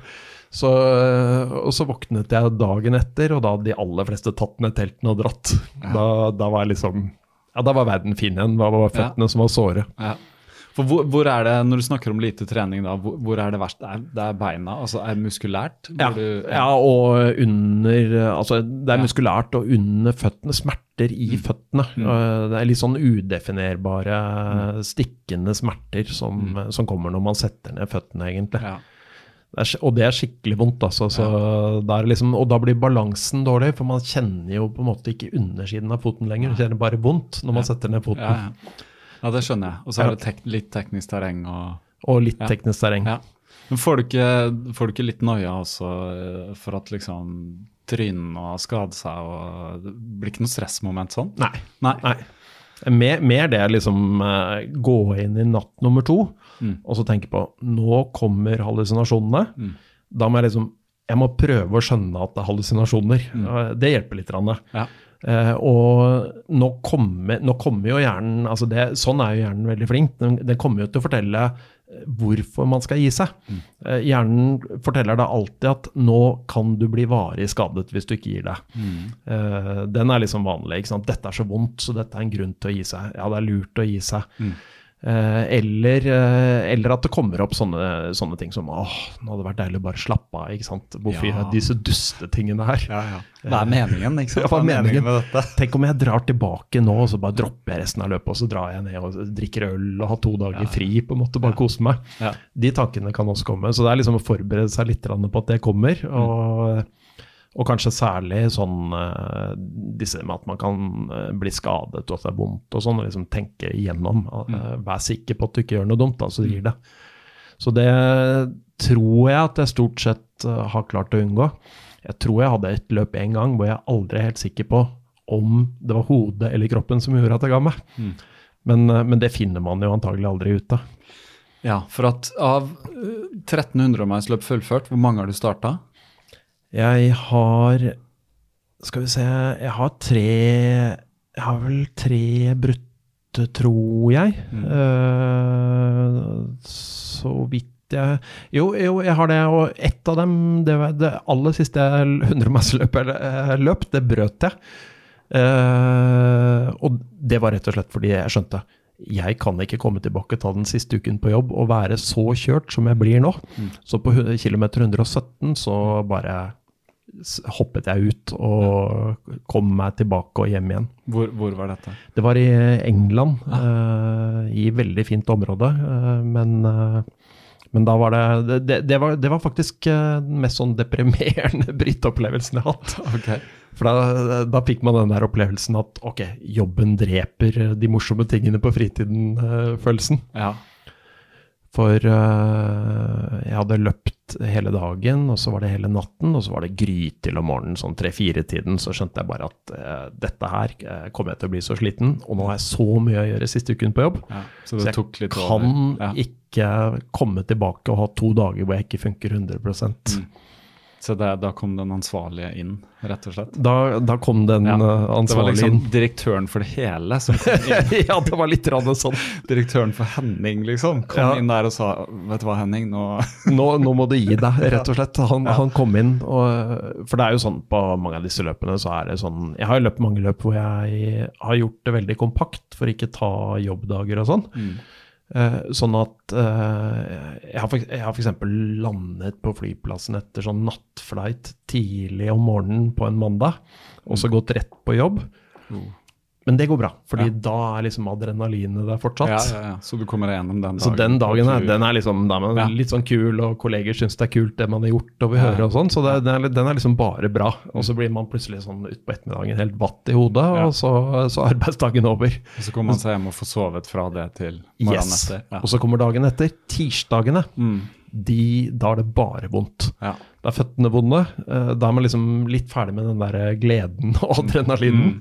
Og så går man rundt uh, og egentlig bare kjenner åh, dette er slitsomt. Mm. Uh, Nå har jeg skikkelig vondt i føttene. Uh, Det Ja. er liksom hele kroppen er litt draina, antagelig. Ja, for, ikke sant. Sånn, sånn at det, er, det er ganske sånn fascinerende. Da, da føler man seg liksom bare tung. Mm. Og det var det jeg kjente at de dagene der, de kan jeg liksom ikke ha nå. Nei, ikke. Da jeg ga meg Men på da, da hadde du såpass mye erfaring at du visste hva som skjer, ikke sant? Det- Som følge av hvis jeg fortsetter nå. Jeg kommer meg til mål, men ja. Men så har du en annen eh, Bare hoppe litt tilbake fra at det som er morsomt du fortalte om uh, Haglunds hæl, det er ikke morsomt med Haglunds hæl, men eh, Ja, det er litt morsomt også. Det er litt morsomt. For det er, det er et fantastisk navn på en lidelse. ja, ikke sant? Er det, er det forresten noe som skjer Uh, flere? Altså Er det noe som er det vanlig, eller hvor er det, vanlig? det er i hvert fall ikke helt uvanlig, men Nei. det er jo gjerne at man har eh, et litt stort helbein i utgangspunktet, Ja, altså som ja. stikker litt mye ut i utgangspunktet. Mm. Og så, eh, så er jo det å ha føttene nedi løpesko og andre ting, det, det kan bela altså gnisse, så det blir Ja, ja, ja. betennelse, og så, så bygger brusk seg opp. Ja. Så Og det er det det er. Så du, Ja. du må, du, han må kutte Det blir en sånn forbening på en måte da, på Ja, baksiden, Ja. så jeg tror det er like hardt som bein det som er der ja, omtrent. Bortkasta bruk av kalsium, liksom. Det er bortkasta bruk av kalsium, rett og slett. Trengte ikke et bein ekstra der. Ja da, nei, så det er flere som har det, så det er øh, Du får det ikke av å liksom bare gå søndagsturer. Det er litt sånn hvis du driver med ekstreme Jeg tror jo Jeg har i hvert fall tenkt at hvis jeg på en måte ikke drev med løping eller den type ting, så hadde jeg antagelig aldri øh, måtte operere heller, for da hadde det helt sikkert gått helt greit. Da hadde du sikkert hatt vondt et annet sted i ryggen eller et eller annet. da hadde jeg hatt noen andre vondter. Blitt operert for noen rygggreier vet for folk som sitter mye på kontor og sånn. Ja. Og så setter de seg i BMW-en hjem, eller hvor, eller hvor de enn bor, eller hva de gjør. Eh, bussen eller hva som helst, og så sitter de til middag og så sitter de og ser på TV, og så kanskje klipper de gressplenen en gang. Til slutt Ja, ja, nei, blir altså, helt ødelagt. ikke sant? Jeg, jeg synes jo det, altså, det var jo litt morsomt med Haglund Sele også, og da er, jeg, jeg fikk jo gå litt på krykker og ting. Ja, det er det jeg vil fram til. skjønner Du at du, du gikk på krykker ganske langt, Ja, ja. jeg gjorde det. Du fikk et innfall at du skulle gå på krykker Ecotrail 21 km. Ja, ja, det er sant. Så, om det Ja, det er snakk om å utsette seg selv for uh, vonde ting. ja, ja, men det var eh, det, Altså, da jeg skjønte at uh, her, var, her var liksom greia at uh, gå på, bruk krykker liksom nå i jeg husker ikke, tre uker, eller hva det var for noe. Mm. Eh, og så når du på en måte går inne, så kan du gå sånn forsiktig på den der walkeren som var sånn eh, jeg fikk på foten. Så fant jeg ut at eh, det kan jo egentlig bli litt kult. Og så har jeg jo eh, ja, jeg jobbet i Oslo sentrum, som var sånn 10-12 km hjemmefra. Så fant jeg ut jeg kan jo i hvert fall begynne å krykke til jobb. Og så begynte jeg å krykke til jobb, og så tok jeg T-banen hjem. Og så var det eh, Du krykka 10-12 km til jobb. Ja, så krykka jeg 10-12 Hvor, hvor, hvor lang tid Nei, jeg, jeg var jo sånn Jeg husker ikke sånn syv og en halv Mellom syv og en halv og åtte og en halv på kilometeren eller noe sånt. Mm, Ja, Det er ikke så verst, da. Nei, det, altså det blir sånn mellomting mellom Ja, gåing og løping, Ja. på en måte. For gåing er som vi regner sånn 5-6 kilometer i timen, og så Ja. løper vi på 8-10 Ikke sant. i timen. Sånn at, ja, det eh, ble, det var på en måte sånn mellomting, og i slake, slake nedoverbakker så kunne det gå veldig fort. Altså da, da var det på en måte landingen som ble problemet, for det var veldig lange steg. Ja. Og så går det sa veldig sakte når det er bratt oppover, eh, for da blir det liksom litt sånn krøklete. Men eh, så var det mot slutten av perioden, så, eh, så begynte jeg å Så hadde jeg vel noen dager hvor jeg krykket begge veier. Mm. Og så dukket jo denne ecotrailen opp, og da, da ble det krykking på kortdistansen på 21 km. Og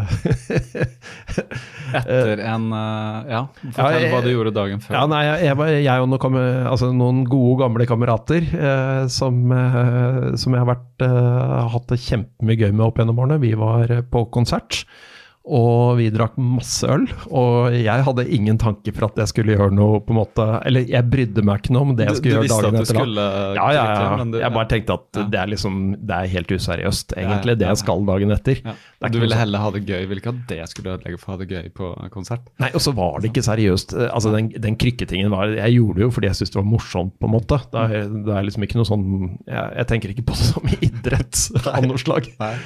Og, og så hadde jeg Det var, det var litt grann sånn for å, eh, for å erte folk som kjøper seg veldig mye sko og sånn, så, så krykket jeg da i eh, Crocs til 69,50 fra Europris. Eh, som, eh, som måtte var fottøy på den ene foten da, som ikke var inni inni, inni sånn walker. Og så eh, gikk det faktisk ganske bra. Det syns jeg krykket ganske bra eh, det mesteparten av veien. Ned langs Lysakerelva så er det jo litt krevende krykking. Ja, det er det. For eh, det er jo noen partier som er litt tekniske. Var det et år hvor du løp på høyre eller venstre side? Nei, det, dette var 21 km, så den går på, Venstre, ja. på venstresiden, altså På på Oslo-siden hele veien nedover. østsiden, Som, som er den snilleste siden. den snilleste For siden. Bærumsiden er jo tidvis, eller stedvis, ganske, ganske krevende. Ganske krevende. Og Ja. bratt og opp og ned og smalt og ja. Absolutt. Ja. Og så, så var det jo sånn dessverre at de doppkoppene, Mm. eh, de gummitingene på bunnen av krykken, de, eh, de ble utslitt. Du, men du satt på nye? Jeg mener du skrev, skriver det, at du satt på nye? Ja, jeg hadde, jeg hadde kjøpt inn, jeg slet veldig med å få tak i, men ja. jeg fant noen på nett som var riktig størrelse. Men altså, det blir jo liksom, som jeg fant ut, det var sånn kanskje 20 000 krykker eller noe sånt da, på, eh, i løpet av den turen, og det er klart det er brutalt. Krykken er ikke lagd for det, rett og slett. Så da jeg kom ned på asfalten, så, så hadde jeg én krykke på aluminiumen. Og da det var fem kilometer i mål, så, så var begge på aluminiumen. Og krykkene Altså, det gikk helt greit, det var litt hardt for hendene, men, og krykkene ble kortere og kortere. For jeg spiste jo metall eh, hele veien innover. Ja, ja, ja. Faktisk. La igjen aluminium på veien der. Sånn. Men, men jeg krykket på 2,57, og det, det tenkte jeg det var en sånn respektabel eh, tid, tross alt. Altså for en hobbykrykker. det, var, det var vinnertiden, det. På ja, det var vin, vinnertiden på For du spurte når du kommer i mål Har det kommet noen på krykker før de er i mål. Det stemmer. Og ingen som hadde sett noen. Nei, det er veldig bra.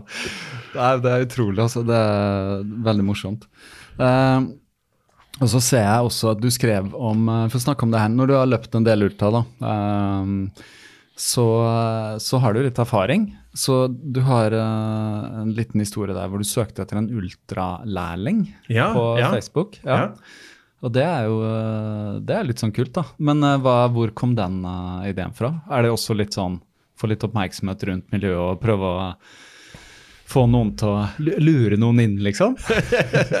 Nei, det var altså sannheten Jeg vet ikke om jeg skal tørre å røpe sannheten, men eh, den, den var vel egentlig så uspennende som at det var en som spurte om hun kunne løpe med meg. For dette var første 100-milsløpet hennes, og uh, Anette heter hun, og ikke så uh, erfaren på navigering og sånne ting.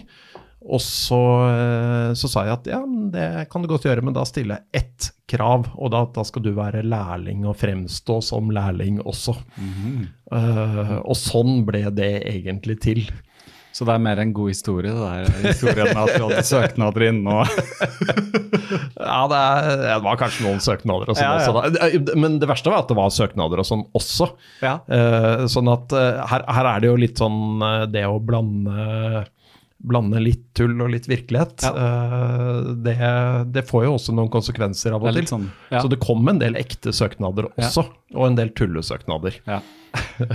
For at det, dette, Jeg regner med, Nå er ikke jeg på Facebook, jeg har ikke fått sett liksom der, men er litt, der er det et miljø, regner med. Det er noen grupper på Facebook, og der uh, skriver dere litt og sånn, regner jeg med. Det, det stemmer. altså det, er, det er en sånn Facebook-gruppe som heter Norsk Ultra, Ja. som, som jo på en måte er Der går mye av kommunikasjonen. Ja. Uh, For uh, nå, nå begynner det å være en del som løper ultraløping, men før i tiden var det jo ingen som hadde en venn som var ultraløper, så du måtte finne dem via Facebook. Ja, nå, Men nå kjenner alle noen som kjenner noen som Nå, nå, nå kjenner mange noen et eller annet sted, i hvert fall. Eh, og men de, de gruppene der går jo mye sånn kommunikasjon om, uh, om løp og uh, hva bør man ha med seg, og er det lurt med staver osv. så videre. Ja.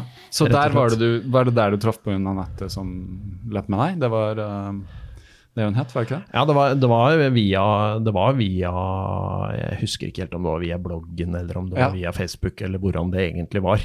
Men dere skulle i hvert fall løpe Soria Moria til verdens ende, Ja, og stilte i, i rosa. Vi stilte rosa, rett og slett. sånn at uh, det, det var jo fordi det er fargen, så vidt jeg husker, som gjør at andre lettere gir seg. Ja. det var noe av målet, å, å, å psyke ut de andre deltakerne. Og det var en taktikk der de må gå hardest mulig ut uh, for å lure folk til å starte hardt. Det stemmer. Så vi var først i startfeltet, og så dro vi i vill fart eh, ned den aller første stien, ja. de første 100 meterne. Da hadde vi klart å dra opp farten, så da kunne vi tre til side. Og så kom de andre liksom Og så kom de andre sånn. Og det er jo for deg, f.eks. Hvis Ja. du uh, drar på 100-milsløp, så, så vil det jo mest sannsynlig løpe altfor fort i starten. Eh, fordi eh, du løper jo en fart som på en måte er naturlig for deg. Ja. Så hvis man er, eh, hvis man er uerfaren med så lange distanser, så er det nesten umulig å ikke løpe altfor fort i starten. Det vil nesten alltid være sånn at man løper fortere i starten enn på slutten. Det vil nesten alltid være sånn, og det, Ja. det er nesten umulig å løpe så sakte som man egentlig Ja. burde over så Ja. lang tid. Og, og så er det jo veldig lett å bli dratt med av de som løper fortest. Ja, Eh, det, det er det. Særlig et løp. Særlig et løp, ja. For- Det er jo også det du nevnte, det er mye adrenalin på starten uansett. ikke sant? Ja, ja, ja, absolutt. Uansett hva Ja, det, det er bare sånn det blir. Du kjenner jo inne i sånn startfelt at det Ja, ja. dirrer, på Ja, en det måte. dirrer. Det er helt elektrisk. Og, og jo flere, jo mer. Men uh, selvfølgelig også på et 100-milsløp. Jeg regner med at spenningsnivået er veldig høyt, for man vet at det blir man gruer seg. Det er jo akkurat som hvis man skal ha en operasjon dagen etter, eller et eller annet som skal skje som du vet dette blir krevende fysisk og psykisk, så, så blir det jo en spenning i kroppen. Ja, det, det gjør det. og det er, Jeg har jo opplevd noen ganger sånn når man starter på kvelden eller natten også, så blir det sånn eh, altså det, det blir en veldig bra stemning, men det er, den er veldig sånn, eh, det er litt sånn ærefrykt for det Mm. man skal gjennom, rett og slett. Mm.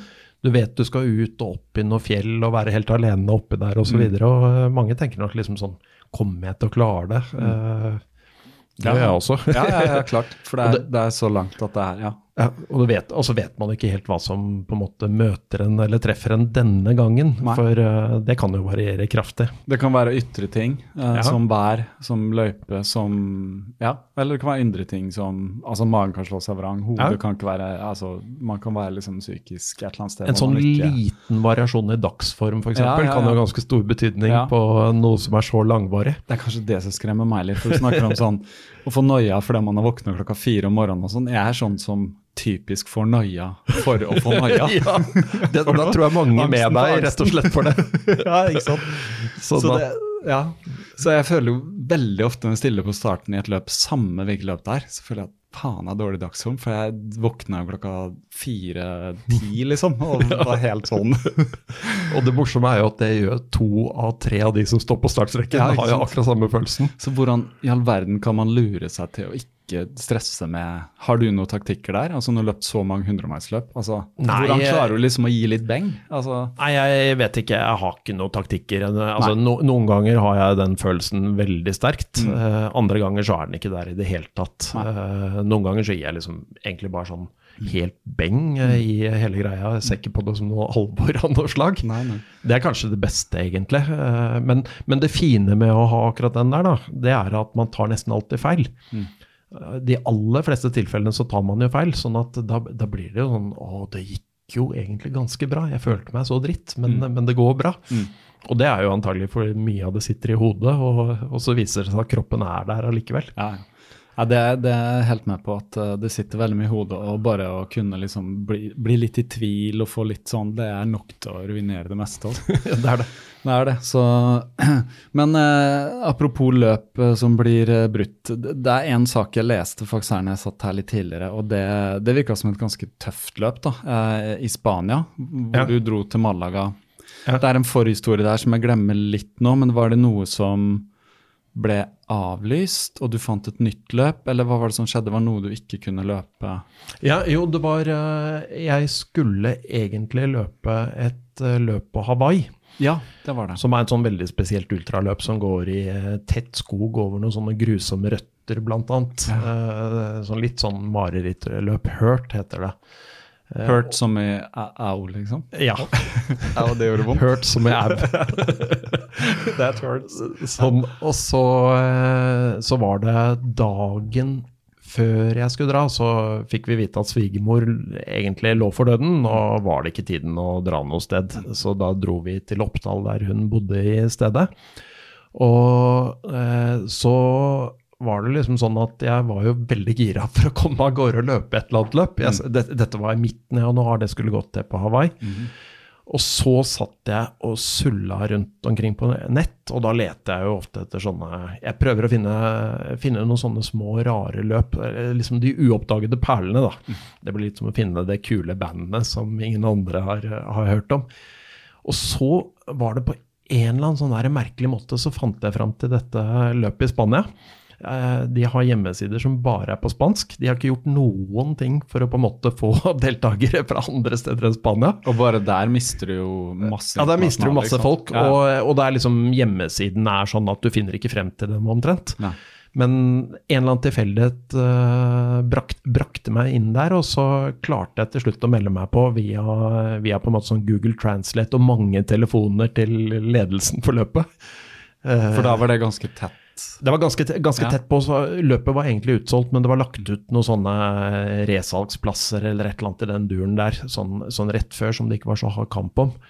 Og, eh, og så gjorde jeg masse feil når jeg skulle melde meg på. Jeg skrev at jeg var medlem av den spanske turistforeningen, og så betal, hadde jeg betalt 10 euro for lite. Så det var sånn jeg, masse byråkrati frem og tilbake. Og så kom jeg ned, og så var det sånn uh, halvannen times legesjekk, uh, hvor vi gikk rundt i et sånn uh, rådhus med Alle deltakerne? Ja, i hvert fall alle som ikke hadde en sånn spesiell legeattest fra Spania på forhånd. Mhm. Så jeg var innom diverse stasjoner og pustet og EKG og Det var liksom, det var sånn veldig sånn byråkratisk og tidkrevende, men utrolig gøy å liksom stå der og observere. Ja, ja, får ta halvannen time på dette rommet her, da. Det går greit, det. Og så eh, var det egentlig da ut i, i, fjellene. Dette ligger oppe i en, en naturpark som heter Sierras de Grazalema. Eh, vest for Ronda i, innenfor Malaga. Og eh, så var det gan etter ganske kort tid så begynte å regne. Og så ble det veldig kaldt. Og eh, jeg kløna. Eh, jeg hadde egentlig ikke tatt med de klærne jeg normalt ville brukt hvis det var så kaldt som det var. Og da var det veldig kraftig vind, det gikk opp i fjellene. På, på toppene det snødde, og det sluddet, og det regnet. Og elvene de, de, gikk store overalt, så vi måtte ut i sånne iskalde elver og krysse hele tiden. Mm. Og så ble jeg eh, Jeg pleier å være skikkelig varm. Eh, altså Jeg pleier liksom aldri å ha noe problem med temperaturen, eh, men da ble jeg bare kaldere og kaldere og kaldere. Mm. og så, Jeg husker ikke, jeg tror det var ca. 400 som startet på løpet. Tre, jo, 400 som startet på løpet. Og jeg jobbet meg jo fremover. Jeg stilte meg bakerst på startstreken. Og, og etter hvert så tror jeg jeg var sånn opp på 120.-plass eller et eller annet sånt. Og det var, det var, liksom bare fordi folk bare falt fra. De, de ga seg. Så etter 125 km så kom jeg til en sånn matstasjon. Eh, det var på natten. Eh, i ferd med å gå inn i andre natt. Og så skal jeg forsøke å spise, og så fikk jeg en sånn liten sånn skål med noe pasta. Eh, så skalv jeg sånn på hånden, så jeg bare Ja, For først var det noe kaffe skrevet? Ja, det var, det var, både kaffe jeg prøvde meg på, det var i sånn litt sånn plastkopp, og jeg sørte ja. bare alt på hånden min og på gulvet. Og så prøvde jeg på den maten, så klarte jeg ikke å spise noen ting. Og så tenkte jeg ok, jeg lovet kona mi at jeg skal aldri gjøre noe som er farlig. Nå tror jeg liksom Nå, nå må jeg bare kaste inn håndkleet. Mm. Og så gikk jeg og sa fra, og så blir man jo satt på sånn uh, maxi eller sånn uh, minibuss etter hvert. Og det er jo verdens tristeste sted. Ja, er, For der sitter det seks andre som også har brutt. Ja, ja, Som er helt nedbrutt. Åh, man er liksom bare Å, fy fader. Altså, dette var så trist, på en måte. Men der var det Det var ikke mange som, som klarte å fullføre det, regner jeg med. Du skrev jo at det var nede i en fjerdedel mot slutten. Ja, jeg lurer på om det var ja. noe i den duren. Mm. Sånn at uh, Altså, det, det var skikkelig uh, Skikkelig sånn harde forhold fordi det var så innmari kaldt og man mm. måtte ut i så mye vann. Så selv om det er Spania, januar i fjellene i Spania i hardt vær altså Jeg så jo bilder, det var jo sludd og greier. Ja, ja, nei, det var, du, det var sludd og greier, men ja. det, det, verste var egentlig alle de elvene man på en mm. måte når, når, man allerede var kald, og så måtte man krysse elver. Mm. Og så var det vi kom til en sånn stor, flat dalbunn. Det tror jeg var liksom det som ble vippepunktet for, for kroppstemperaturen min. Mm. Hvor hele dalbunnen egentlig var fylt med sånn tynt vannlag, så jeg vasset flere hundre meter i sånn, ja, sånn knehøyt, eh, av og til litt høyere vann. Mm. Og da husker jeg jeg kom opp på den andre siden, så var jeg bare så Jeg var så utrolig kald. Mm. Ja, det, det, det, kan være direkte farlig. Da. For det, å, å, bli kjølt ned sånn er jo ja, Det vet man er kritisk. Ja, men jeg, jeg, jeg opplevde jo på en måte at uh, Altså, jeg, jeg, var i god form og alle mulige mm. sånne ting. Jeg var på en måte klønete meg som mm. ikke hadde sørget for å ha med ullundertøy i ja. altså alle de tingene man burde hatt. Kunne du, kunne du gjort det annerledes sånn sett? Bare ved å kle deg annerledes? Mer ull? Og, jeg, tror, tror i hvert fall sånn, sjansen hadde vært veldig mye større da. For uh, da holder man jo gjerne Altså, jeg hadde ikke noe ull, ikke sant. Jeg hadde ikke mm. sokker jeg hadde ikke noen ting. Jeg hadde ikke regnet med Det mm. skulle liksom være åtte grader, og eh, ja. det er jo helt greit, på en måte. Ja, ja. Og som du sa, du er vant til altså du, du, Jeg startet med kortbukser. ja, ikke sant? Holder, det så jeg jo, det er noen bilder, og du var varm og må dra opp uh, ja. ikke sant? over knærne og sånn. Ja, kanskje jeg hadde tights som jeg dro opp, men det, var, ja, det var liksom Det var godt og varmt, ikke sant. Så det var Men det er kombinasjon vann, eh, ja, mangel på isolasjon i klær, og så ull er jo det som isolerer best, og som Ja. tåler best å være vått òg, da. Alt Ja. annet feiler liksom av syntetiske materialer og, og alt sånt. Ja, og så er det jo liksom sånn mangel på søvn, og disse Ja. tingene gjør jo noe med temperaturreguleringen også. Men når du skjelver så mye at du ikke klarer å holde Nei, jeg bare noe- husker jeg sto der inne og bare tenkte at å, dette er jo helt latterlig. Det er helt latterlig. Bare- Så du noen andre også som var liksom der, eller? Ja, det, altså det var jo det var på en måte fullt av folk som Og det var jo så kaldt i disse lokalene Ja, også, for det var jo ikke sant, sånn ikke-oppvarmede lokaler med åpne dører. Så det sto jo masse andre våte mennesker der og skalv. Ja, Det er ikke som å komme inn i en hytte med en peis og liksom her kan det varme litt. Ja, Det hørtes, hørtes jævlig tøft ut, men det må ha vært litt sånn uflaks da, eller tilfeldig at eh, været var eh, såpass dårlig der. Ja, ja det, det, det var det kanskje, men eh, sånn for min egen del så ser jeg med, på meg selv som litt sånn klønete som ikke forberedte meg til det. Men løpet var superfint, så jeg dro Ja. tilbake et par år senere, og så fikk jeg liksom tatt det. Ah, okay. For det følte jeg var veldig ugjort. Eh, og det var så fint at uh, jeg hadde lyst til å ta det også. Da var du bedre forberedt. Da eh, var været fint. Ja, det var været fint. altså Du hadde for mye Og med så deg. hadde, så hadde jeg med meg innmari mye i sekken. Du hadde det, ja? Hadde Hvor, hvor tung sekk har du på deg da? Altså den gangen Uh, Nei, det er ikke helt Det avhenger uh, Altså, det som ofte tar Altså, jeg har ofte med meg et par liter drikke. Uh, og så er det jo Så er det jo på en måte litt arrangørenes krav som styrer hvor mye vekt det blir. Eh, For det kan jo være veldig mange rare ting man må ha med seg. Det er jo sånn Hvert tredje løp så må jeg kjøpe en eller annen ny ting, for da er det sånn eh, Nødteppe er ikke nok, du må ha nødbiovac. Altså det er liksom, så du, man får mye rart som ligger i skapet etter hvert, som man bruker sjelden. Men uh, i sum så kan jo de tingene veie litt til sammen. Mm. Og hvis man skal ha med litt klær og sånn, så, så blir det jo litt vekt. Men jeg vet ikke. Det er, Du har ikke veid? nei, jeg orker ikke å vite hvor Nei, den veier. nei, det er sånn. Det er noen som er helt på det der, særlig folk som er veldig sånn, går mye i fjellet og sånn. De er på gram, og jeg kjenner Ja. en sånn som er på Snakker om ja, altså hva enn det er. Så Ikke er det på sant. grammet, liksom. Ja. Så, Nei, jeg er ikke der, og det er, det er liksom Det veier det det veier. Så Ja, ja. jeg trenger det jeg må ha med, og Ja. det, noe må jeg plikter jeg å ha med. Ja, ikke sant. Men er det, er det en del løp som har ganske mye sånn pliktige ting? Eh, Sånn som det der, eksempel? Ja, det, altså, det er jo på en måte De aller fleste arrangørene er jo litt på den forsiktige side hvis man har steder Mm. hvor det kan være kaldt. kaldt. Uh, og det er jo egentlig bare bra, for man kan jo ende opp skadet eller eh, bli sittende et eller annet sted osv. Mm.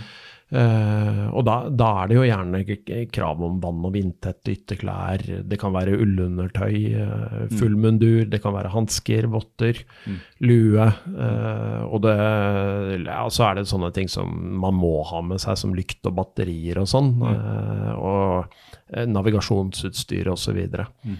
Så eh, det blir jo det blir på en måte noen kilo til sammen.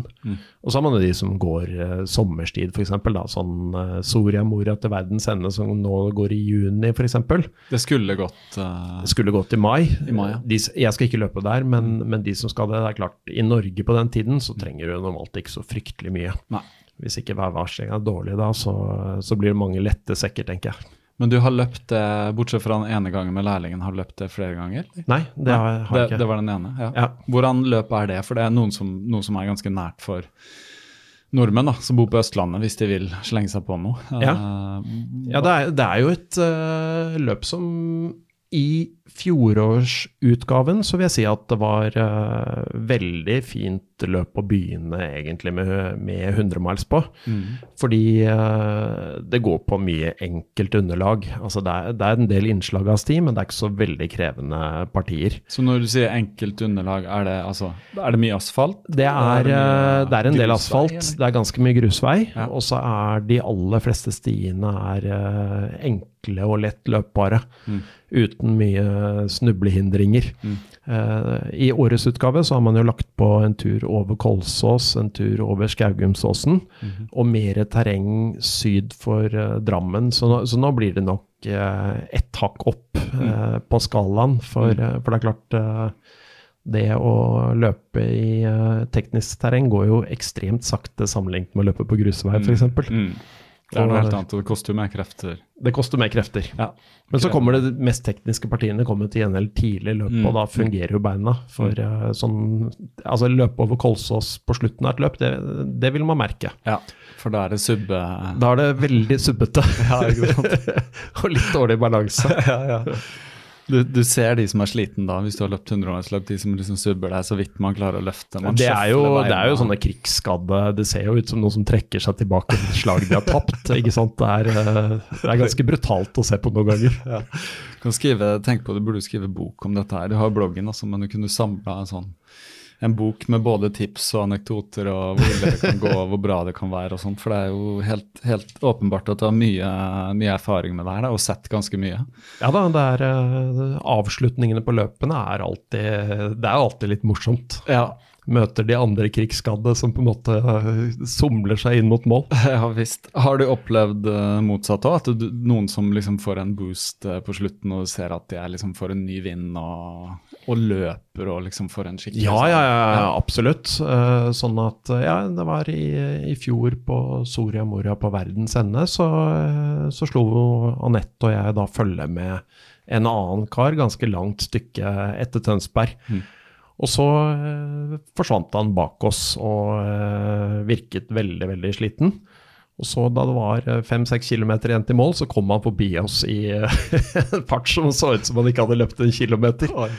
Og da, da hadde et eller annet eh, truffet han, og så tror jeg han hadde det. Han hadde det bare helt fantastisk. ikke sant? Det var passert òg, så kom igjen dere også, la oss løpe sammen i mål.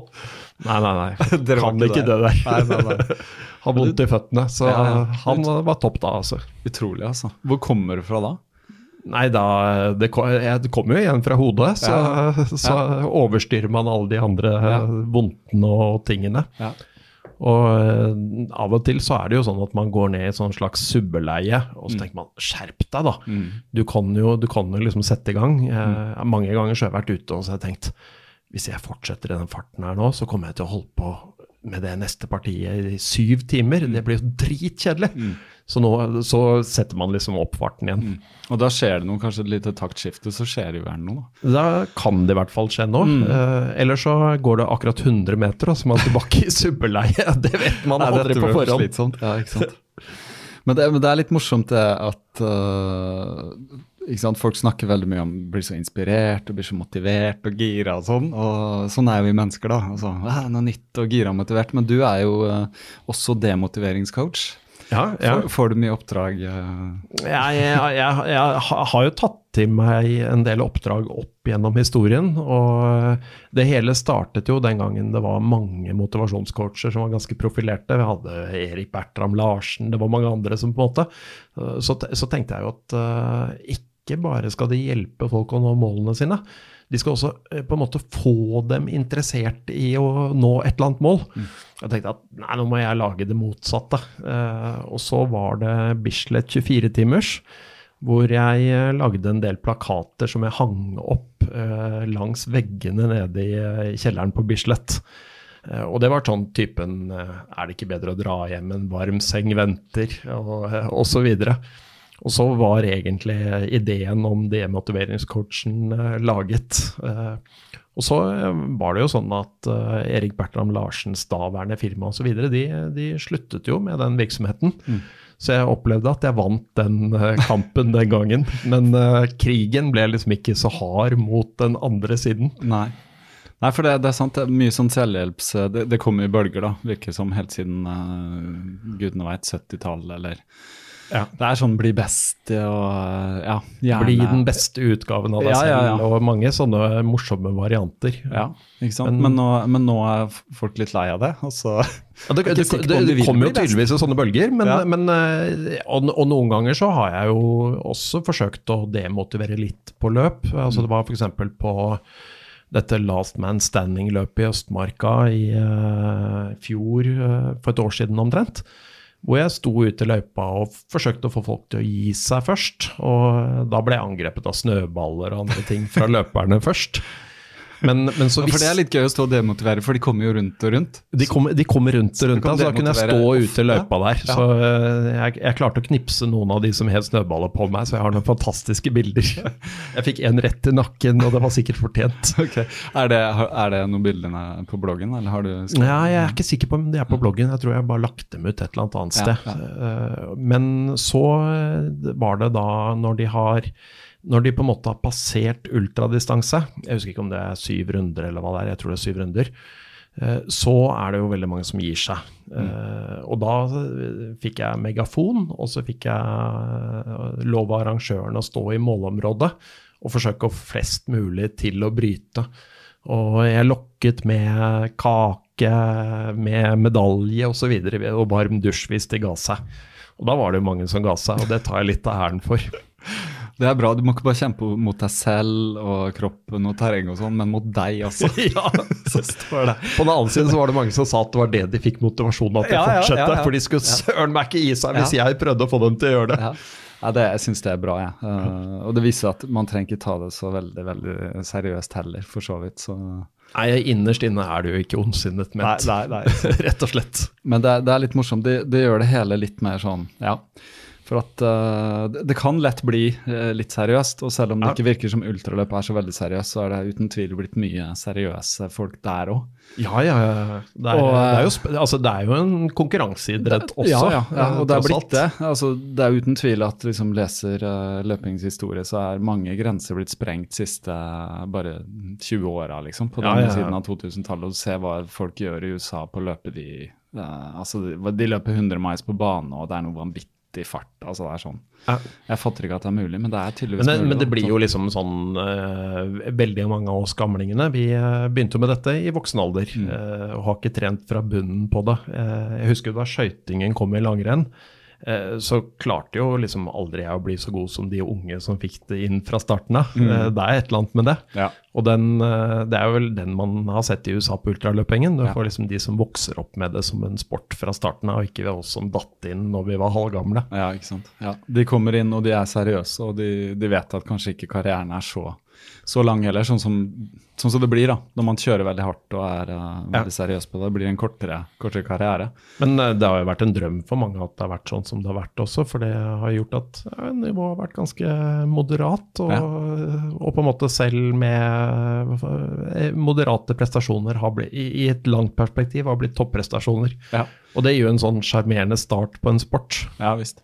Men det, det er jo tydeligvis at det er rom for alle de ennå også, da. Å kunne bare løpe en 100 miles for å klare det.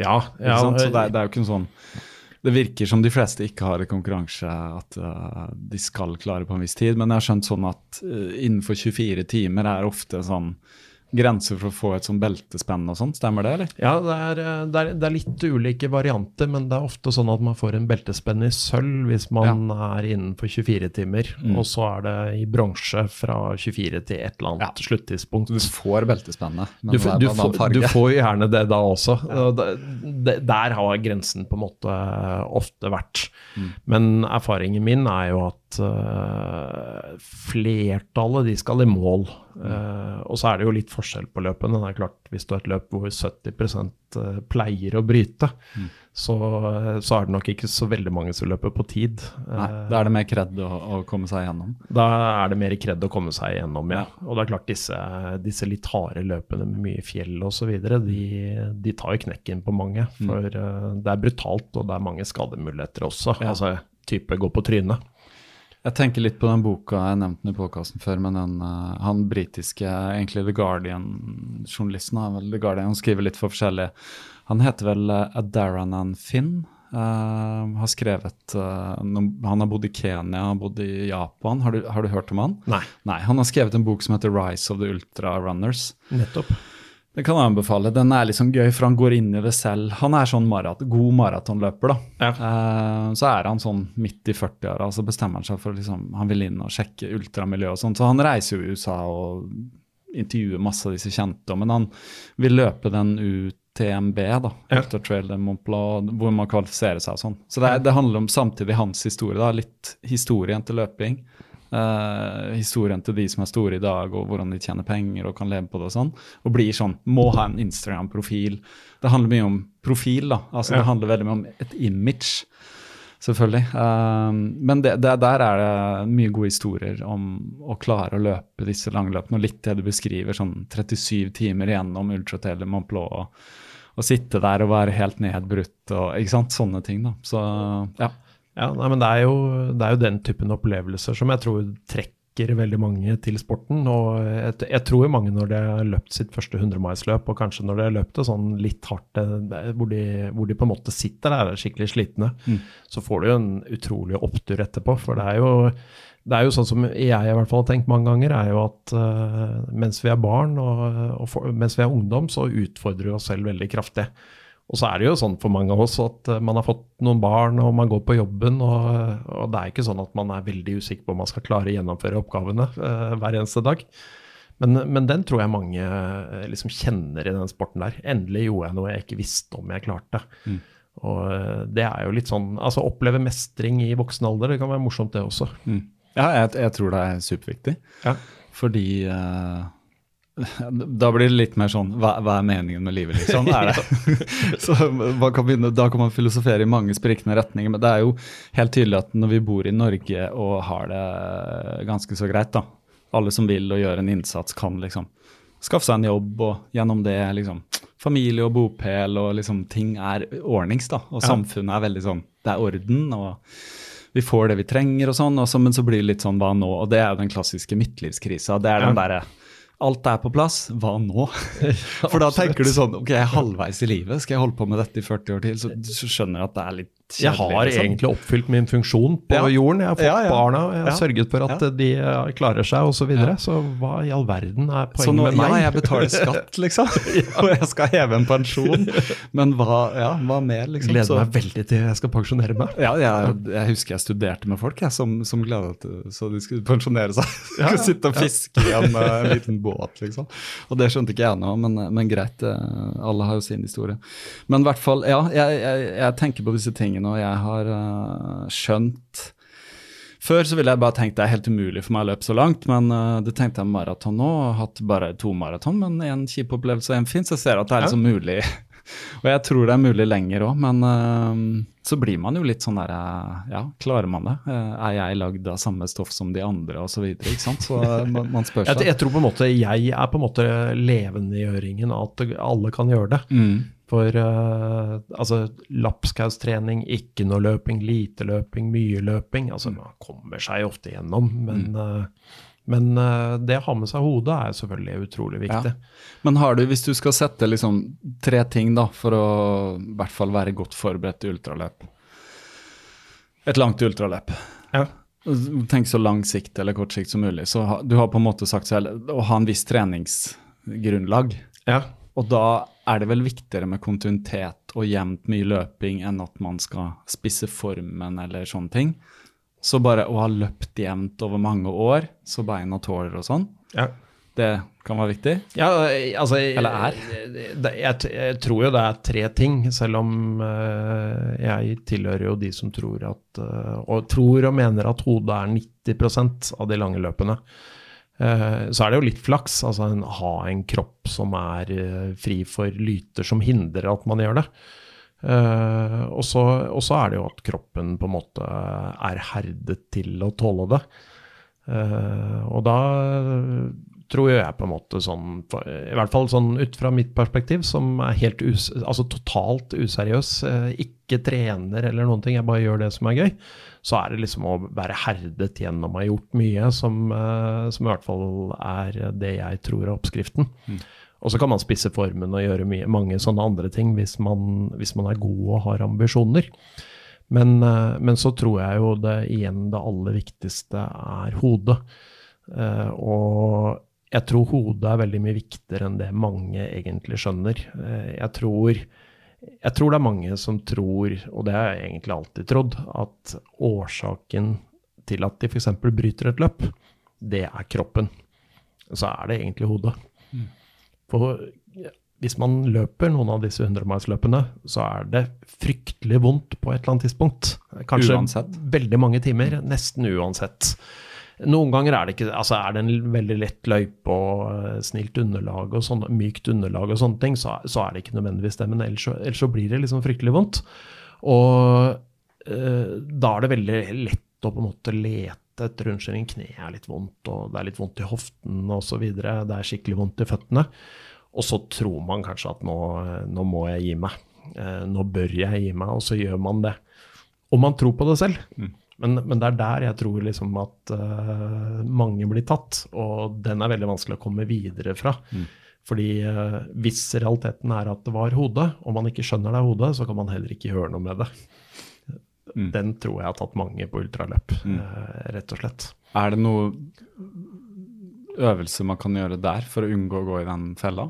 For det er jo en, det virker jo som kroppen altså Det er hjernen som lurer deg i en felle til å gi seg. For at dette har vært skrevet om i bøker jeg har lest, og sånne, sånne teorier om uh, liksom eh, Jeg husker ikke hva han kaller det på engelsk, men det er liksom uh, hovedsentralen da, som styrer alt hjernen. liksom har alle mulige triks i ermet for å stoppe deg fra å skade Ja. kroppen. Fordi Ja. at den er liksom ansvarlig for kroppen. Og i ethvert liksom, vesen så er det ikke noe sånn Det er ikke noe sånn at man er programmert til destruktiv atferdsel. Det er liksom, handler alltid om å overleve. da. Samme om å være et menneske, et dyr, planter. liksom Finner alle mulige måter Mm. å komme seg gjennom det på. Men hvis det er noe så direkte farlig, som liksom skjønner gjennom evolusjonsgangen at her kan jeg knekke en fot, og da kan jeg få infeksjon, og gud vet, ikke sant. Ja. Så er det en sånn Grand Central Governor, tror jeg de kaller det. Han, Ja, ja. eh, Tim Oaks, eller hva han heter.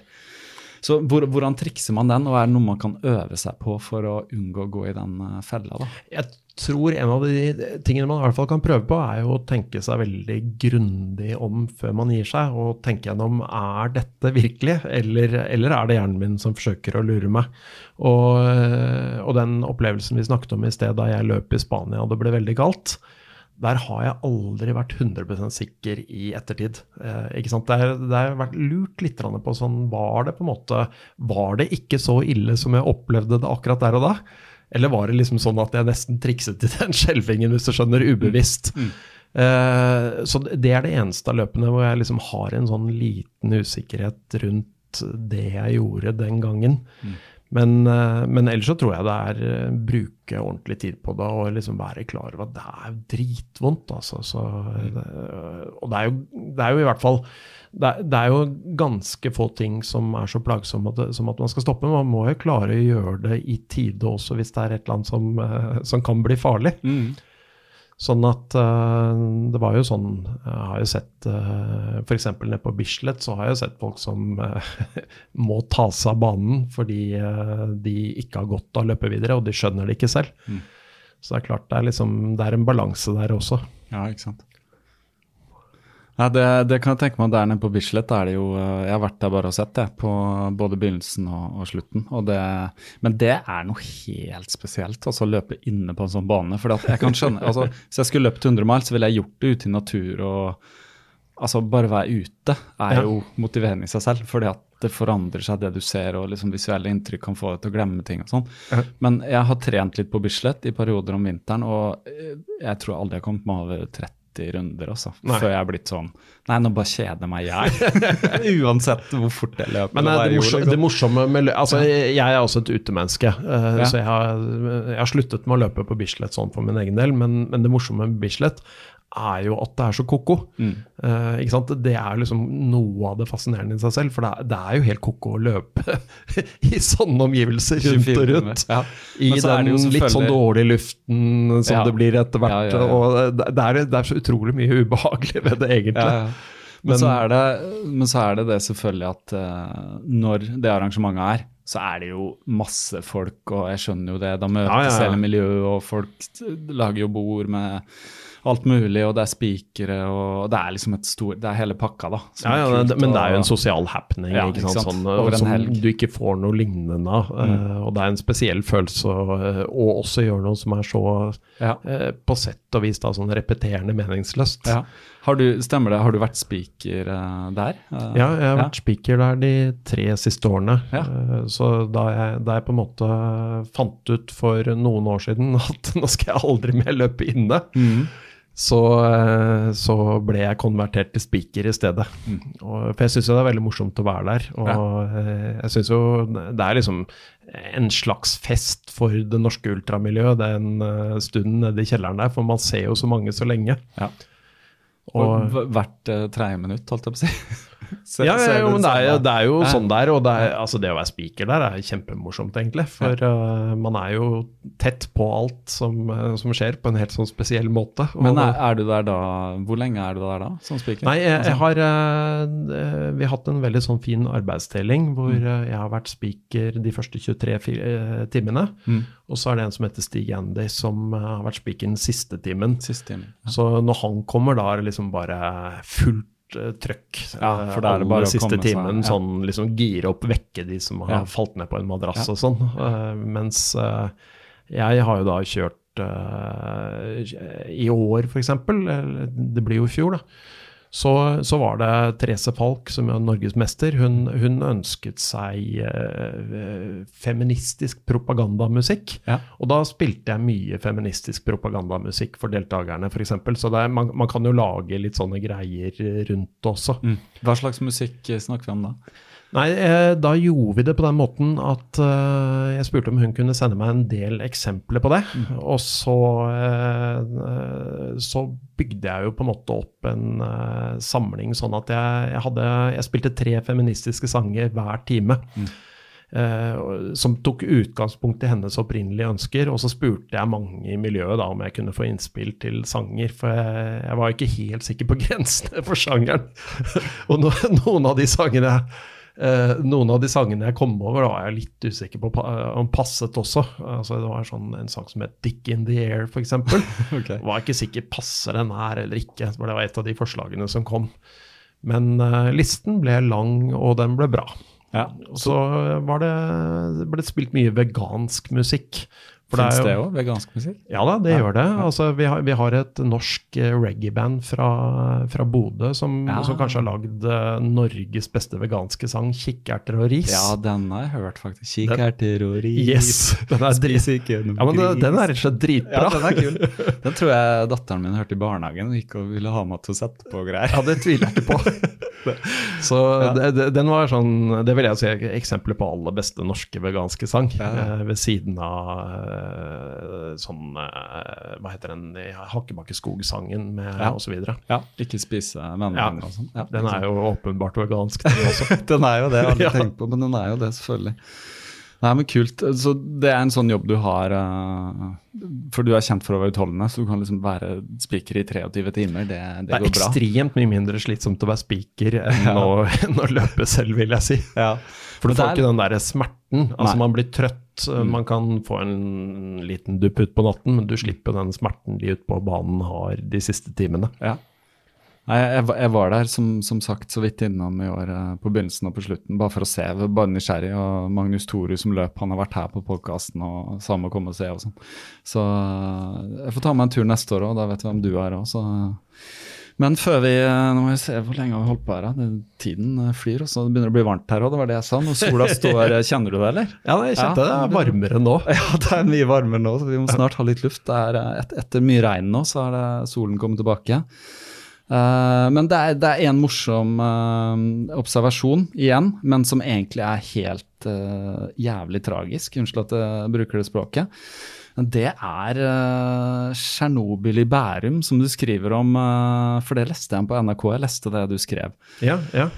Og det er litt sånn, vær litt alvorlig her, altså. For det, det er egentlig liksom hoderystende drøyt. Uh, sier litt om hva det er. Uh, ja, ja det, det er jo Det er en naturkatastrofe på gang i Bærum, og det er faktisk ganske ille. Det er, det er en naturkatastrofe i Bærum som uh, Altså, da jeg skrev om den, så, så tenkte jeg at eh, dette er egentlig Altså, jeg har bodd i området veldig lenge og var egentlig ikke klar over det.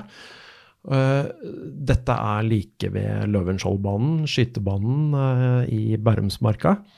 Og der er det Altså, der man skyter lerduer så er det skutt veldig mye blyhagl. Eh, og det har man gjort veldig mange steder på veldig mange baner.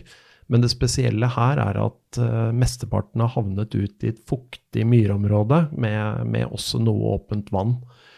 Og det er litt ulike beregninger hvor mye som har kommet ut i naturen, men, uh, men det er snakk om minimum hundrevis med tonn som da ligger med, med bly ute i terrenget. Mm. Og bly er jo en, eh, en ganske skummel miljøgift. Eh, den, eh, det har også rent ut fra noen små bekkesig ut fra dette området. Sånn at det er sikkert både mange barn og voksne og, og hunder og andre som har drukket av dette. Så jeg skrev egentlig en uh, liten uh, blogg om uh, det for ja, et par-tre år siden, hvor jeg beskrev området. Fordi det er også et vanvittig vakkert sted. For på toppen av blyhaglet så ligger det stålhagle eller jernhagle eller hva det er for noe, og, og det er rustet. Mm. Så her har man liksom et ganske stort område med helt død vegetasjon. Og så ligger det et sånn rustrødt lag over alt som er der. Mm.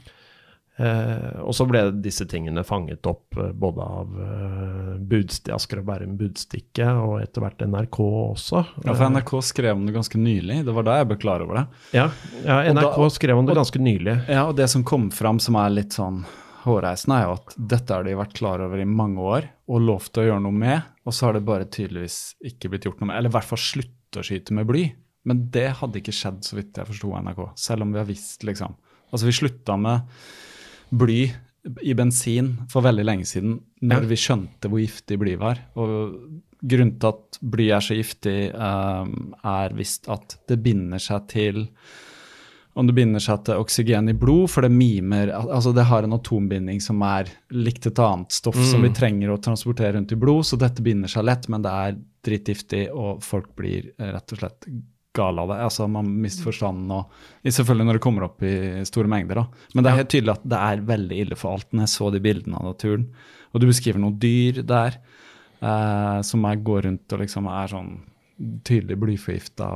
Ja. ja det, det, skal jeg ikke være helt sikker på, men jeg møtte en elg, eh, ja. eller to elg der oppe som oppførte seg veldig rart. Mm. Og min lille private, helt useriøse teori var at det kanskje var en sammenheng. Men, det, det, kan godt være. De, det, det kan godt være, men, men, det kan også være at de var altså typen rar elg. Ja, det kan være.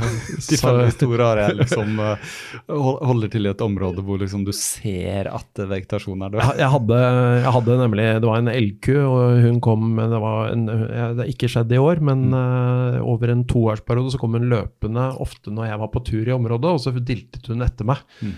Uh, og så hadde hun med seg en uh, kalv det første året, og da han ble dyttet vekk etter hvert, så drev han også diltet etter meg når jeg traff han. og så fikk hun en ny kalv, og den var livredd for meg. Så okay. når de kom, så, så holdt den seg unna. Ja. Men uh, dette er et sånt område jeg har beveget meg ganske uh, ja. mye ofte i, så da så jeg dette. Men vet vi hva som skjer der? holdt jeg på å si? Nei, jeg, jeg, kjenner ikke den siste tvisten på historien ja. som du fortalte om, men uh, jeg husker da jeg skrev om det, så var Fylkesmannen involvert, og da var det en oppfølging, for de må, de må jo finne en eller annen løsning på det. Ja, Nei, det, det som er litt ille, er jo at hvis det siger ut og og folk løper jo rundt og er sånn ja, det er rent vann i marka, og fyller flaskene sine og sånn. Og det kan jo ikke være at bly er såpass uttynna at uh, det går greit, men det kan ikke være at det ikke er det også. Ja, det er sant. Nå er det, nå er det faktisk hengt opp skilt ved mm. de små bekkesigene som, som mm. går ut fra området. Mm. Og der tror jeg det står noe sånn type 'ikke drikk'. Mm. Ikke sant. Ja. Nei, men jeg, jeg, var litt sånn å bare lese om det der og, og høre om det, jeg ble litt overraska. Uh, ja rett og slett. For at jeg har fått holde på sånn. Ja, nei, jeg tror det er sånn, det er sånn maks uflaks. For, ja. altså, eh, sånn som det er veldig mange andre steder hvor man skyter ut i tørre områder, så ville det antagelig ikke hatt så veldig stor betydning. Mm. Eh, det hadde nok ikke vært bra, men, men, her er det det at det har gått rett i den myra, rett og slett. Altså, ja, ja. Så fått, uh, fått, i gang disse prosessene du snakker om. Ja, ikke sant. Nei, det er Bly er, bly er giftig. Altså, det er Eh, hva heter den? Det er en sånn serie på Netflix med han uh, Han uh, astronomen Hva heter han? Veldig sånn god til å formidle astronomi. han er Erik Newton? Nei, han, han er amerikaner. Han er amerikaner, ja. Svart amerikaner. Hva heter han igjen? Han er veldig god på å formidle. Men det er i hvert fall han Så er det liksom historien til planeten osv. osv. Ja. Der har de faktisk en hel episode handler om bly, og han som oppdaga hvor giftig bly er. da. Oh, ja, og at det aldri brytes ned og sånne ting. da. Eh, som førte til at eh, det ble tatt ut av eh, bensin Ja. hvor de tilsatte det. Men det ville jo ikke oljeselskapene, for det var et eller annet der. Så det er mye sånn. Men jeg vil faktisk anbefale, hvis folk er i nærheten, så, Ja. så er det, det er såpass fascinerende at det er spennende å ta en kikk. Altså. Ja. Og særlig i sommerhalvåret når det er grønne blader på trærne. For Da ser man så tydelig hva som er dødt og hva som er levende. Ja, og det er nok noe man sjelden ser, at et så stort område her Alle kan se et dødt tre eller noe sånt. Men det er i nærheten av skytebanen, og det står noe skilt eh, som sier at her bør du ikke gå, så de, de bør man holde seg utenfor. Ja, for det er, er det risiko, eller for å Man hører jo at det smeller, det skriver de om også. Altså, det er bråkete Ja, det er, ja altså det, er jo, det er jo en skytebane, så den ble vel bygd på 50-tallet eller et eller annet sånt. Så jeg har liksom alltid tenkt at ja, jo, det kunne godt vært, det vært fint om den var stille, men de, den var her og har vært der lenge, så Ja. det er liksom greit. Men, det, det eh, må vi få lov til. men man må rydde opp etter seg. Ja, jeg ser jo det, men det, det kommer til å koste penger, altså. Ja, og med en gang det blir snakk om penger, så blir det snakk om hvem skal betale og sånn, og da er det ikke like lett, og da blir det lange prosesser og så videre, så ja. Er det, er det noen andre erfaringer du har lyst til å dele før vi får åpna vinduet her og, og, og får litt luft? Får- Får inn luften i lokalet. Vi kunne jo åpna nå også, men det kommer mye lyd utenfra også. Men eh, er, er det noen ting som eh, du sitter igjen med nå som eh, ikke vi har fått gått igjennom? Det er det jo selvfølgelig. Det, det er mange ting du har skrevet om og historier og sånn, men er det noe sånn i det store det, det, er, det er ikke sånn at jeg kjenner noen sånn uh, brennende sak nå som eh, Nei. sitter og dirrer etter at du skal spørre om. Jeg, jeg vet ikke om vi, vi uh, snakka vel om det før vi starta opptakerne, men du er jo også med på en annen uh, podkast. Nå sa du at du har vært med på mange i det siste, da. Uh, eller flere på, nå i de siste dagene. Men uh, så vidt jeg forsto det, så er det en podkast som du er med på. Er det sånn fast eh, programleder ved siden av en Ja, annen? ja, ja, det stemmer. Det som altså på- heter, hva, hva heter den? Skal jeg linke til? På jobben så har vi en podkast som heter eh, Boligbobla. Boligbobla. Og det er, det er altså rett og slett en podkast om eh, boligøkonomi, boligpolitikk, Ja. eh, makroboligøkonomi osv. Hvor vi inviterer mye fagpersoner og organisasjonsfolk. Så det er en fagpodkast for det, er, det er en eh, fagpodkast som ja. noen sikkert vil synes er interessant, andre vil synes er veldig interessant. Ikke sant? Blir den, blir den, eh, den blir hørt, eh, regner jeg med? Altså, ja, ja, vi har, eh, vi har eh, bra lyttertall eh, Ja. i sjangeren, så det er vel Vi har vel sånn par av de siste har vært sånn 2003 til 2005 Ja. nytt og så videre. Og her er tror, jeg, her tror jeg man må se det i forhold til sjangeren, og da er det bra. Ja. Og så hadde du vært gjest på en annen, nevnte du nettopp? Ja, jeg, var på torsdag så var jeg gjest på det som heter E24-podden, som, Ah. som er en sånn økonomipod, øh, alle mulige Ja. sider av økonomi, og da var det jo boligmarked jeg snakket om, som er, er på en måte mitt yrke og mitt fag. Ja, for dette har du innsikt i. Vi, vi snakka ikke så mye om yrket ditt, eh, men, det, men det, hvis man vil vite om det, så kan man jo bare eh, gå inn på Eiendom Norge osv. Så, videre. så Det kan man jo høre. det, det som er litt morsomt, er googler man deg, så får man opp en del bilder, og så Det er jo en historie, da, og så er det noen bilder hvor du har sånn langt eh, skjegg, da. Ja, men, men den historien kan jeg faktisk fortelle, jeg som, fortelle. eh, som en slags avslutning. Ja. Og, og det var jo en jeg, Altså, jeg var på en eh, nyttårsfest. Mm. Uh, og så endte det på den måten det kan gjøre litt utpå natten, at uh, jeg hadde klart å vikle meg inn i at jeg måtte ha eh, Jeg måtte la skjegget gro. Da hadde jeg like kort skjegg som jeg har nå. Eh, inntil jeg hadde løpt ti hundremilsløp. Og på det daværende tidspunktet så hadde jeg eh, løpt tre, så jeg, jeg trengte egentlig bare løpe syv.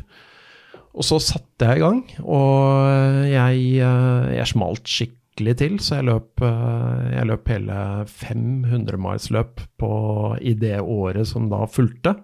Og tenkte at eh, ok, jeg kommer til å ha skjegg eh, litt over et år. Da tar jeg to til eh, på en måte på, på våren etter. Og så ble det noen kluss, eh, så det ene gikk i vasken. Det var dette i Spania, hvor jeg ikke kom meg rundt oppe i fjellene. Eh, og så tok jeg ett til, Tech utenfor Stockholm, så da var jeg oppe i ni. Og så kom Hagelunds hæl. Og så hadde jeg da elleve måneder uh, hvor jeg ikke fikk løpt. Og, sånn at da jeg først kom tilbake, da, da tok jeg dette løpet i USA etter seks uker. Og det skjegget ble etter hvert sånn at jeg måtte av hensyn til jobben korte det litt. For eh, selv på noen av disse bildene så er det veldig langt, men eh, det hadde jo vært uendelig langt Ja, det, ellers. det hadde det.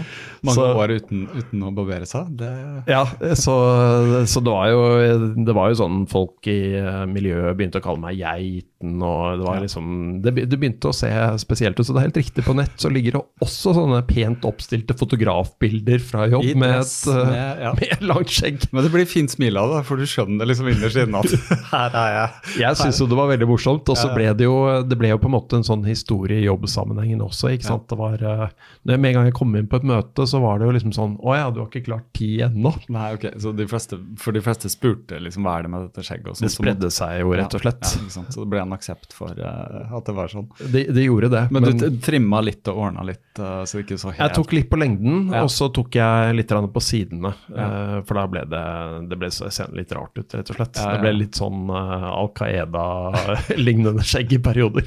Ja, Det er litt rart å se ut som en sånn når du jobber i Eiendom Norge og er, eller er direktøren. Og, Ja, da, da jobbet jeg et annet sted, men Ja. jeg var også leder, så jeg skulle Ja, ja. Det var liksom Det var noen Det er noen grenser for hvordan man kan, eh, kan se ut, eller Ja. ikke se ut.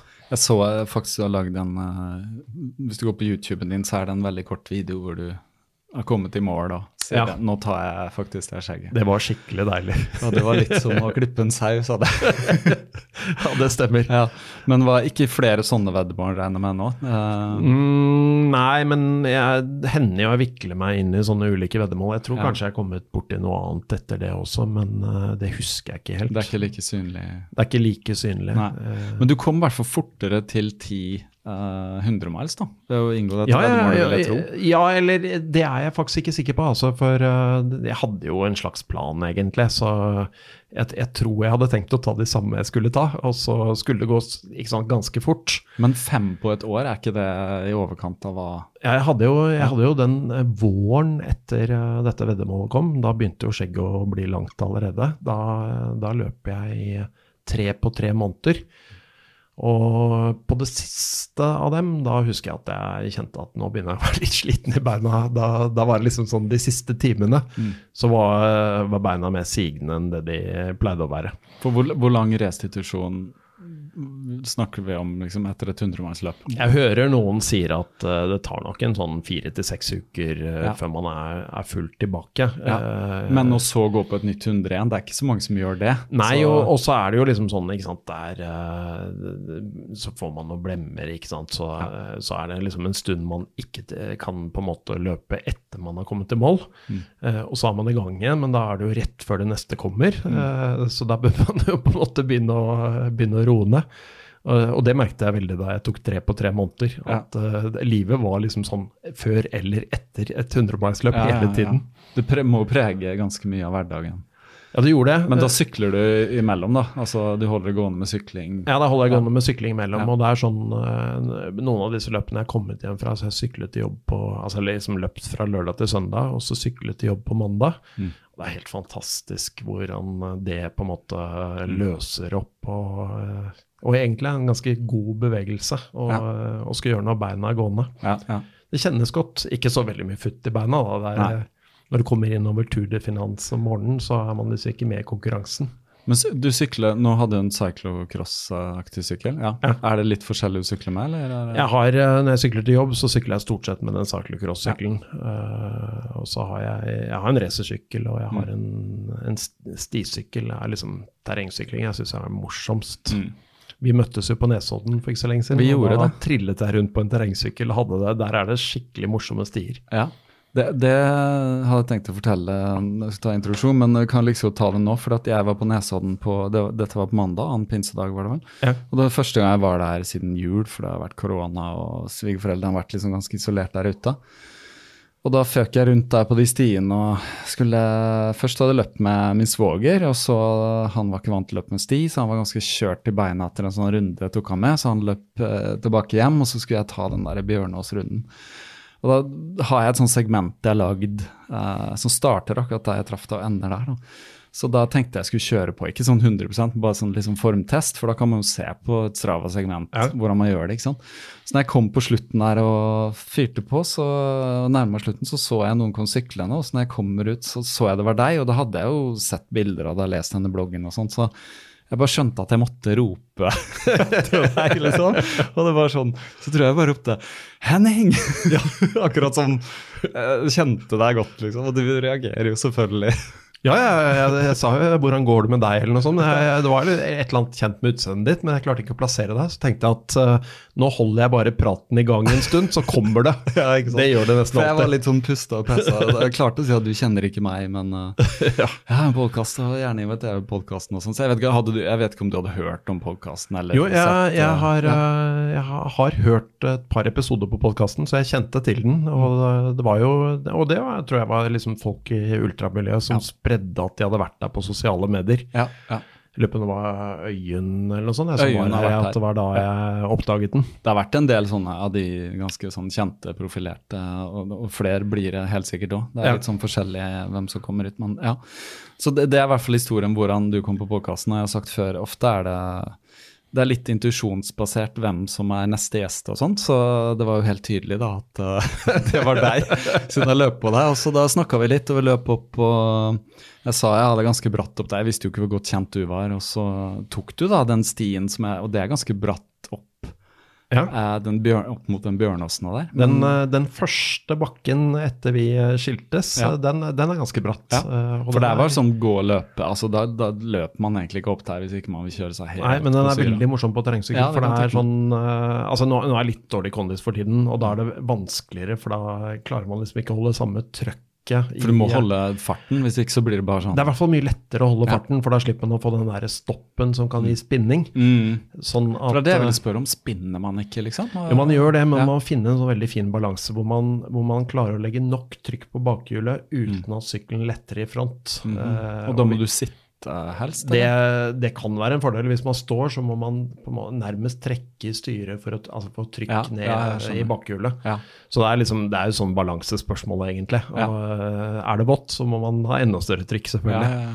Men uh, da vi møttes på Nesodden, så var det jo så fantastiske forhold at uh, altså, da kommer man opp overalt når man har sykkel, for uh, ingen svaberg er glatte. Mm. Da er det egentlig bare å bare dure på, Mm. og så er det skikkelig gøy. Men så, så skrev du jo i Det var litt sånn kryptisk, eh, men i eh, tittelen på det, det Strava, eller den der, så var det noe neseblod inne i bildet og sånt, så vi lurte, var noen som kommenterte her, lurte litt på om Oh ja, ja, Hvordan nei, det det var, hadde gått? jeg, det var eh, Jeg syklet eh, ganske fort på et segment som het Ja. et eller annet med neseblod. Oh, ja, ok. Ja. Eh, Sånn at jeg fikk sånn Kom eh, King of the Mountain på det. Aha. Så det var liksom eh, Jeg syklet i skogen, alt gikk veldig bra, og så eh, klarte jeg å dunke giret inn i en stubbe, og så gikk giret inn i eikene, og så røk det tre eiker. Aha. Og da må man jo liksom bare Og giret var kjørt, så du, du hadde, kunne ikke sykle videre?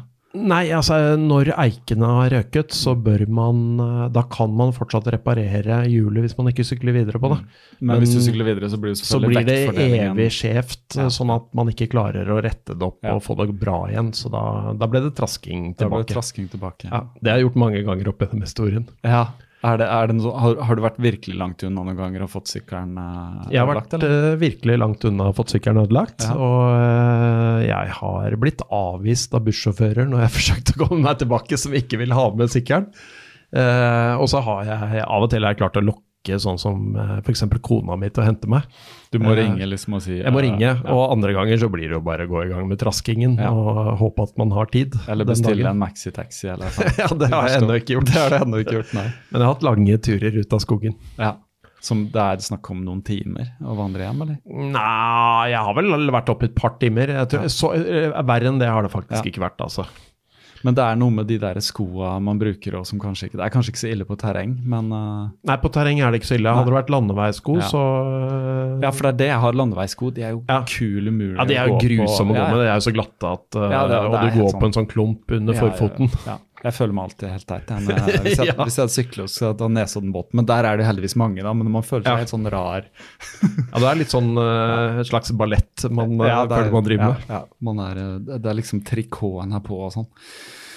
Men ok, uh, Henning. Vet du hva, Jeg må bare si tusen takk for uh, at du kom og stilte og tok deg så god tid og før middag og greier. Tror jeg. Jeg vet ikke om du har spist middag eller ikke, men jeg har fått vært her et par timer nå. Spist så- knekkebrød med makrell i tomat. Ja, men du er vant til å la det gå lenge uten at du spiser, kanskje. Så du er god på, god på det, regner jeg med. Ja, nei, eh, nå har jeg jo spist knekkebrød, så da, da, Da- holder, da holder jeg rett og holder slett. Men du har, du, du har vel noe som venter på deg hjemme, kanskje? Som uh, kan varmes opp, eller noe sånt? Jeg, jeg, jeg, har, jeg har egentlig ikke undersøkt, men eh, det, det vil jeg jo finne ut etter hvert. ja, det vil jeg finne ut. Se om jeg fortjener det. Ja, du gjør nok det. Men ok, igjen tusen takk, Henning. Og så lykke til videre. Hva er neste løp, forresten? Det vet jeg ikke. Eh, jo, jo, jo, det vet jeg. Jeg skal løpe dette Rondane 100 Ja. eh, i, eh, i august. Og det, det er jo sånn løp jeg gleder meg til. Eh, det tror jeg jo er historiens første hundremilsløp 100-milsløp i, eh, i Rondane. Ja. Eller det vet jeg jo at det er, så det blir skikkelig morsomt. Hadde du noe som ble avlyst nå, som du hadde planlagt å reise på? eller? Jeg eh, skulle vært med på Western States eh, 100 miles. Eh, jeg kvalifiserte meg da eh, i seks år, og, eh, og var ikke blant de heldige i lotteriet før, før det da gikk seks år. Så nå, nå kommer jeg med, men den plassen er skjøvet til neste år, og så Ja. får vi se hvordan det blir da. Det er, ja. det er koronaen som styrer. Det er det. Um, Får håpe at det er greit. Og da. Går det på vårparten, eller? Det går i, uh, i slutten av juni. Slutten av juni, ja. Så det er jo det er sånn, det er sånn varmt løp. Eh, og jeg tror jo det er, det er kanskje litt sånn som UTMB, at det blir jo et løp som er morsomt å ha vært med på. Det er, litt, Ja. det er jo litt sånn Selv jeg har hørt masse om det, liksom. Det har sånn legendestatus. uh, ja. Jeg tror ikke det er den kuleste traseen, sånne ting, men det er liksom det er det at det er det løpet. Ja, så er det så vanskelig å komme med. Det er blitt sånn alle skal med der. Og, Det er helt absurd vanskelig å komme med. ja, ikke sant. Jeg måtte løpe 600 miles-løp for å klare å komme med, så det sier jo sitt. Ja, det sier sitt. Ja, men Kult. Innen den tid får du tid til å lese den der uh, Rise of the Ultra Runners. Og han, ja. Det, det kan jeg jo Ja, ja, da den- eh, bruke dette året på. Den er kul, den. Men ok, tusen takk, Henning. Takk, det samme.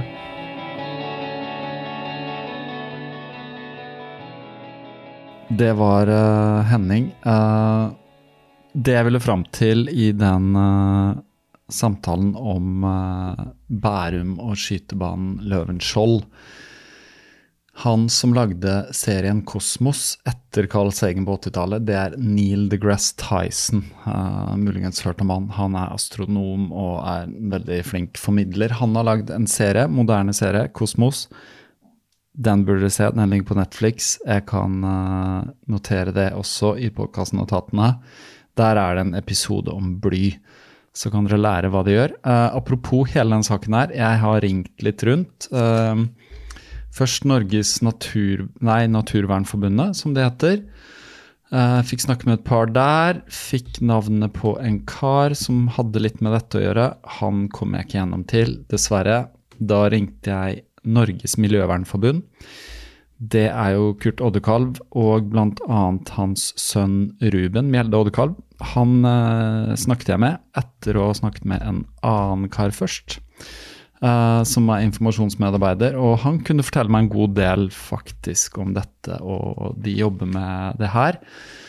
Eh, de har sendt brev til eh, miljø eh, statssekretær uh, Rotevatn, eh, miljøvernminister Rotevatn, skal jeg bare se om jeg finner fram det. Det kongelige klima- og miljødepartement har fått et brev fra Miljøvernforbundet. De har svart. De vil undersøke saken, de vil innhente mer informasjon. De tar det alvorlig. Eh, og ifølge da eh, Ruben så vil ting skje. Men når det er på politisk nivå, så tar det tid. Eh, I mellomtiden så jobber da Norges miljøvernforbund litt med det her. Eh, han visste en del om, eh, om hagl og prosjektiler og Ja, det, burde jeg egentlig poste Jeg tok opp den samtalen, faktisk, så den kunne jeg posta på Patron. kanskje jeg skal gjøre det. Uansett, det skjer saker og ting, men det vil ikke få noe avklaring med det første. Sånn er det. Eh, det han sa, at de benekter at det er et problem, de som driver med skyting. Eh, ja, et skudd er kanskje ikke noe problem, men når det blir 800 tonn med bly, som ligger der og blir vått og renner ut, så uh, sa til og med Ruben at han ville ikke fylt vannflaska si fra noen bekk som sildrer ut fra et sted hvor det ligger bly og renner ut, for det er nemlig veldig giftig. En annen ting. Uh, jeg ringte til uh, Hva heter han? Vegard Leite, som spiller i uh, bandet Manna, som har lagd denne saken 'Kikerter' og Nei, denne saken. Denne låten 'Kikerter og ris'. Og forklarte Vegard litt om dette, og han sa bare spill den sangen, så den skal vi avslutte med. Kikkerter og ris', det er en norsk reggae-låt. Veldig kul. Uh, da får dere den. Ha en uh, fantastisk dag i varmen. Det er tøft å løpe når det er så varmt, så løp seint, løp tidlig. Eller øv på å løpe i varmen. Bare husk vann. Husk litt salter og sånn, så dere ikke får krampe. Men uh, først og fremst ha det fint i solen og kos dere i vannet. Men ikke for nært de andre, da. Ok? Ha det flott. Her kommer kikerter og ris.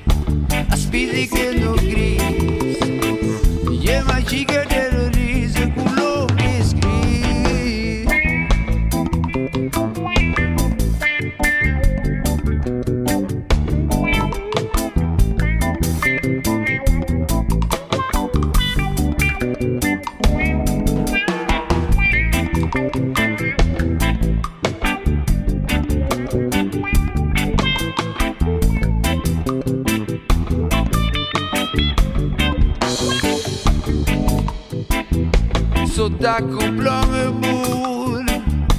Med alskens snadder Og ting som vokser og gror.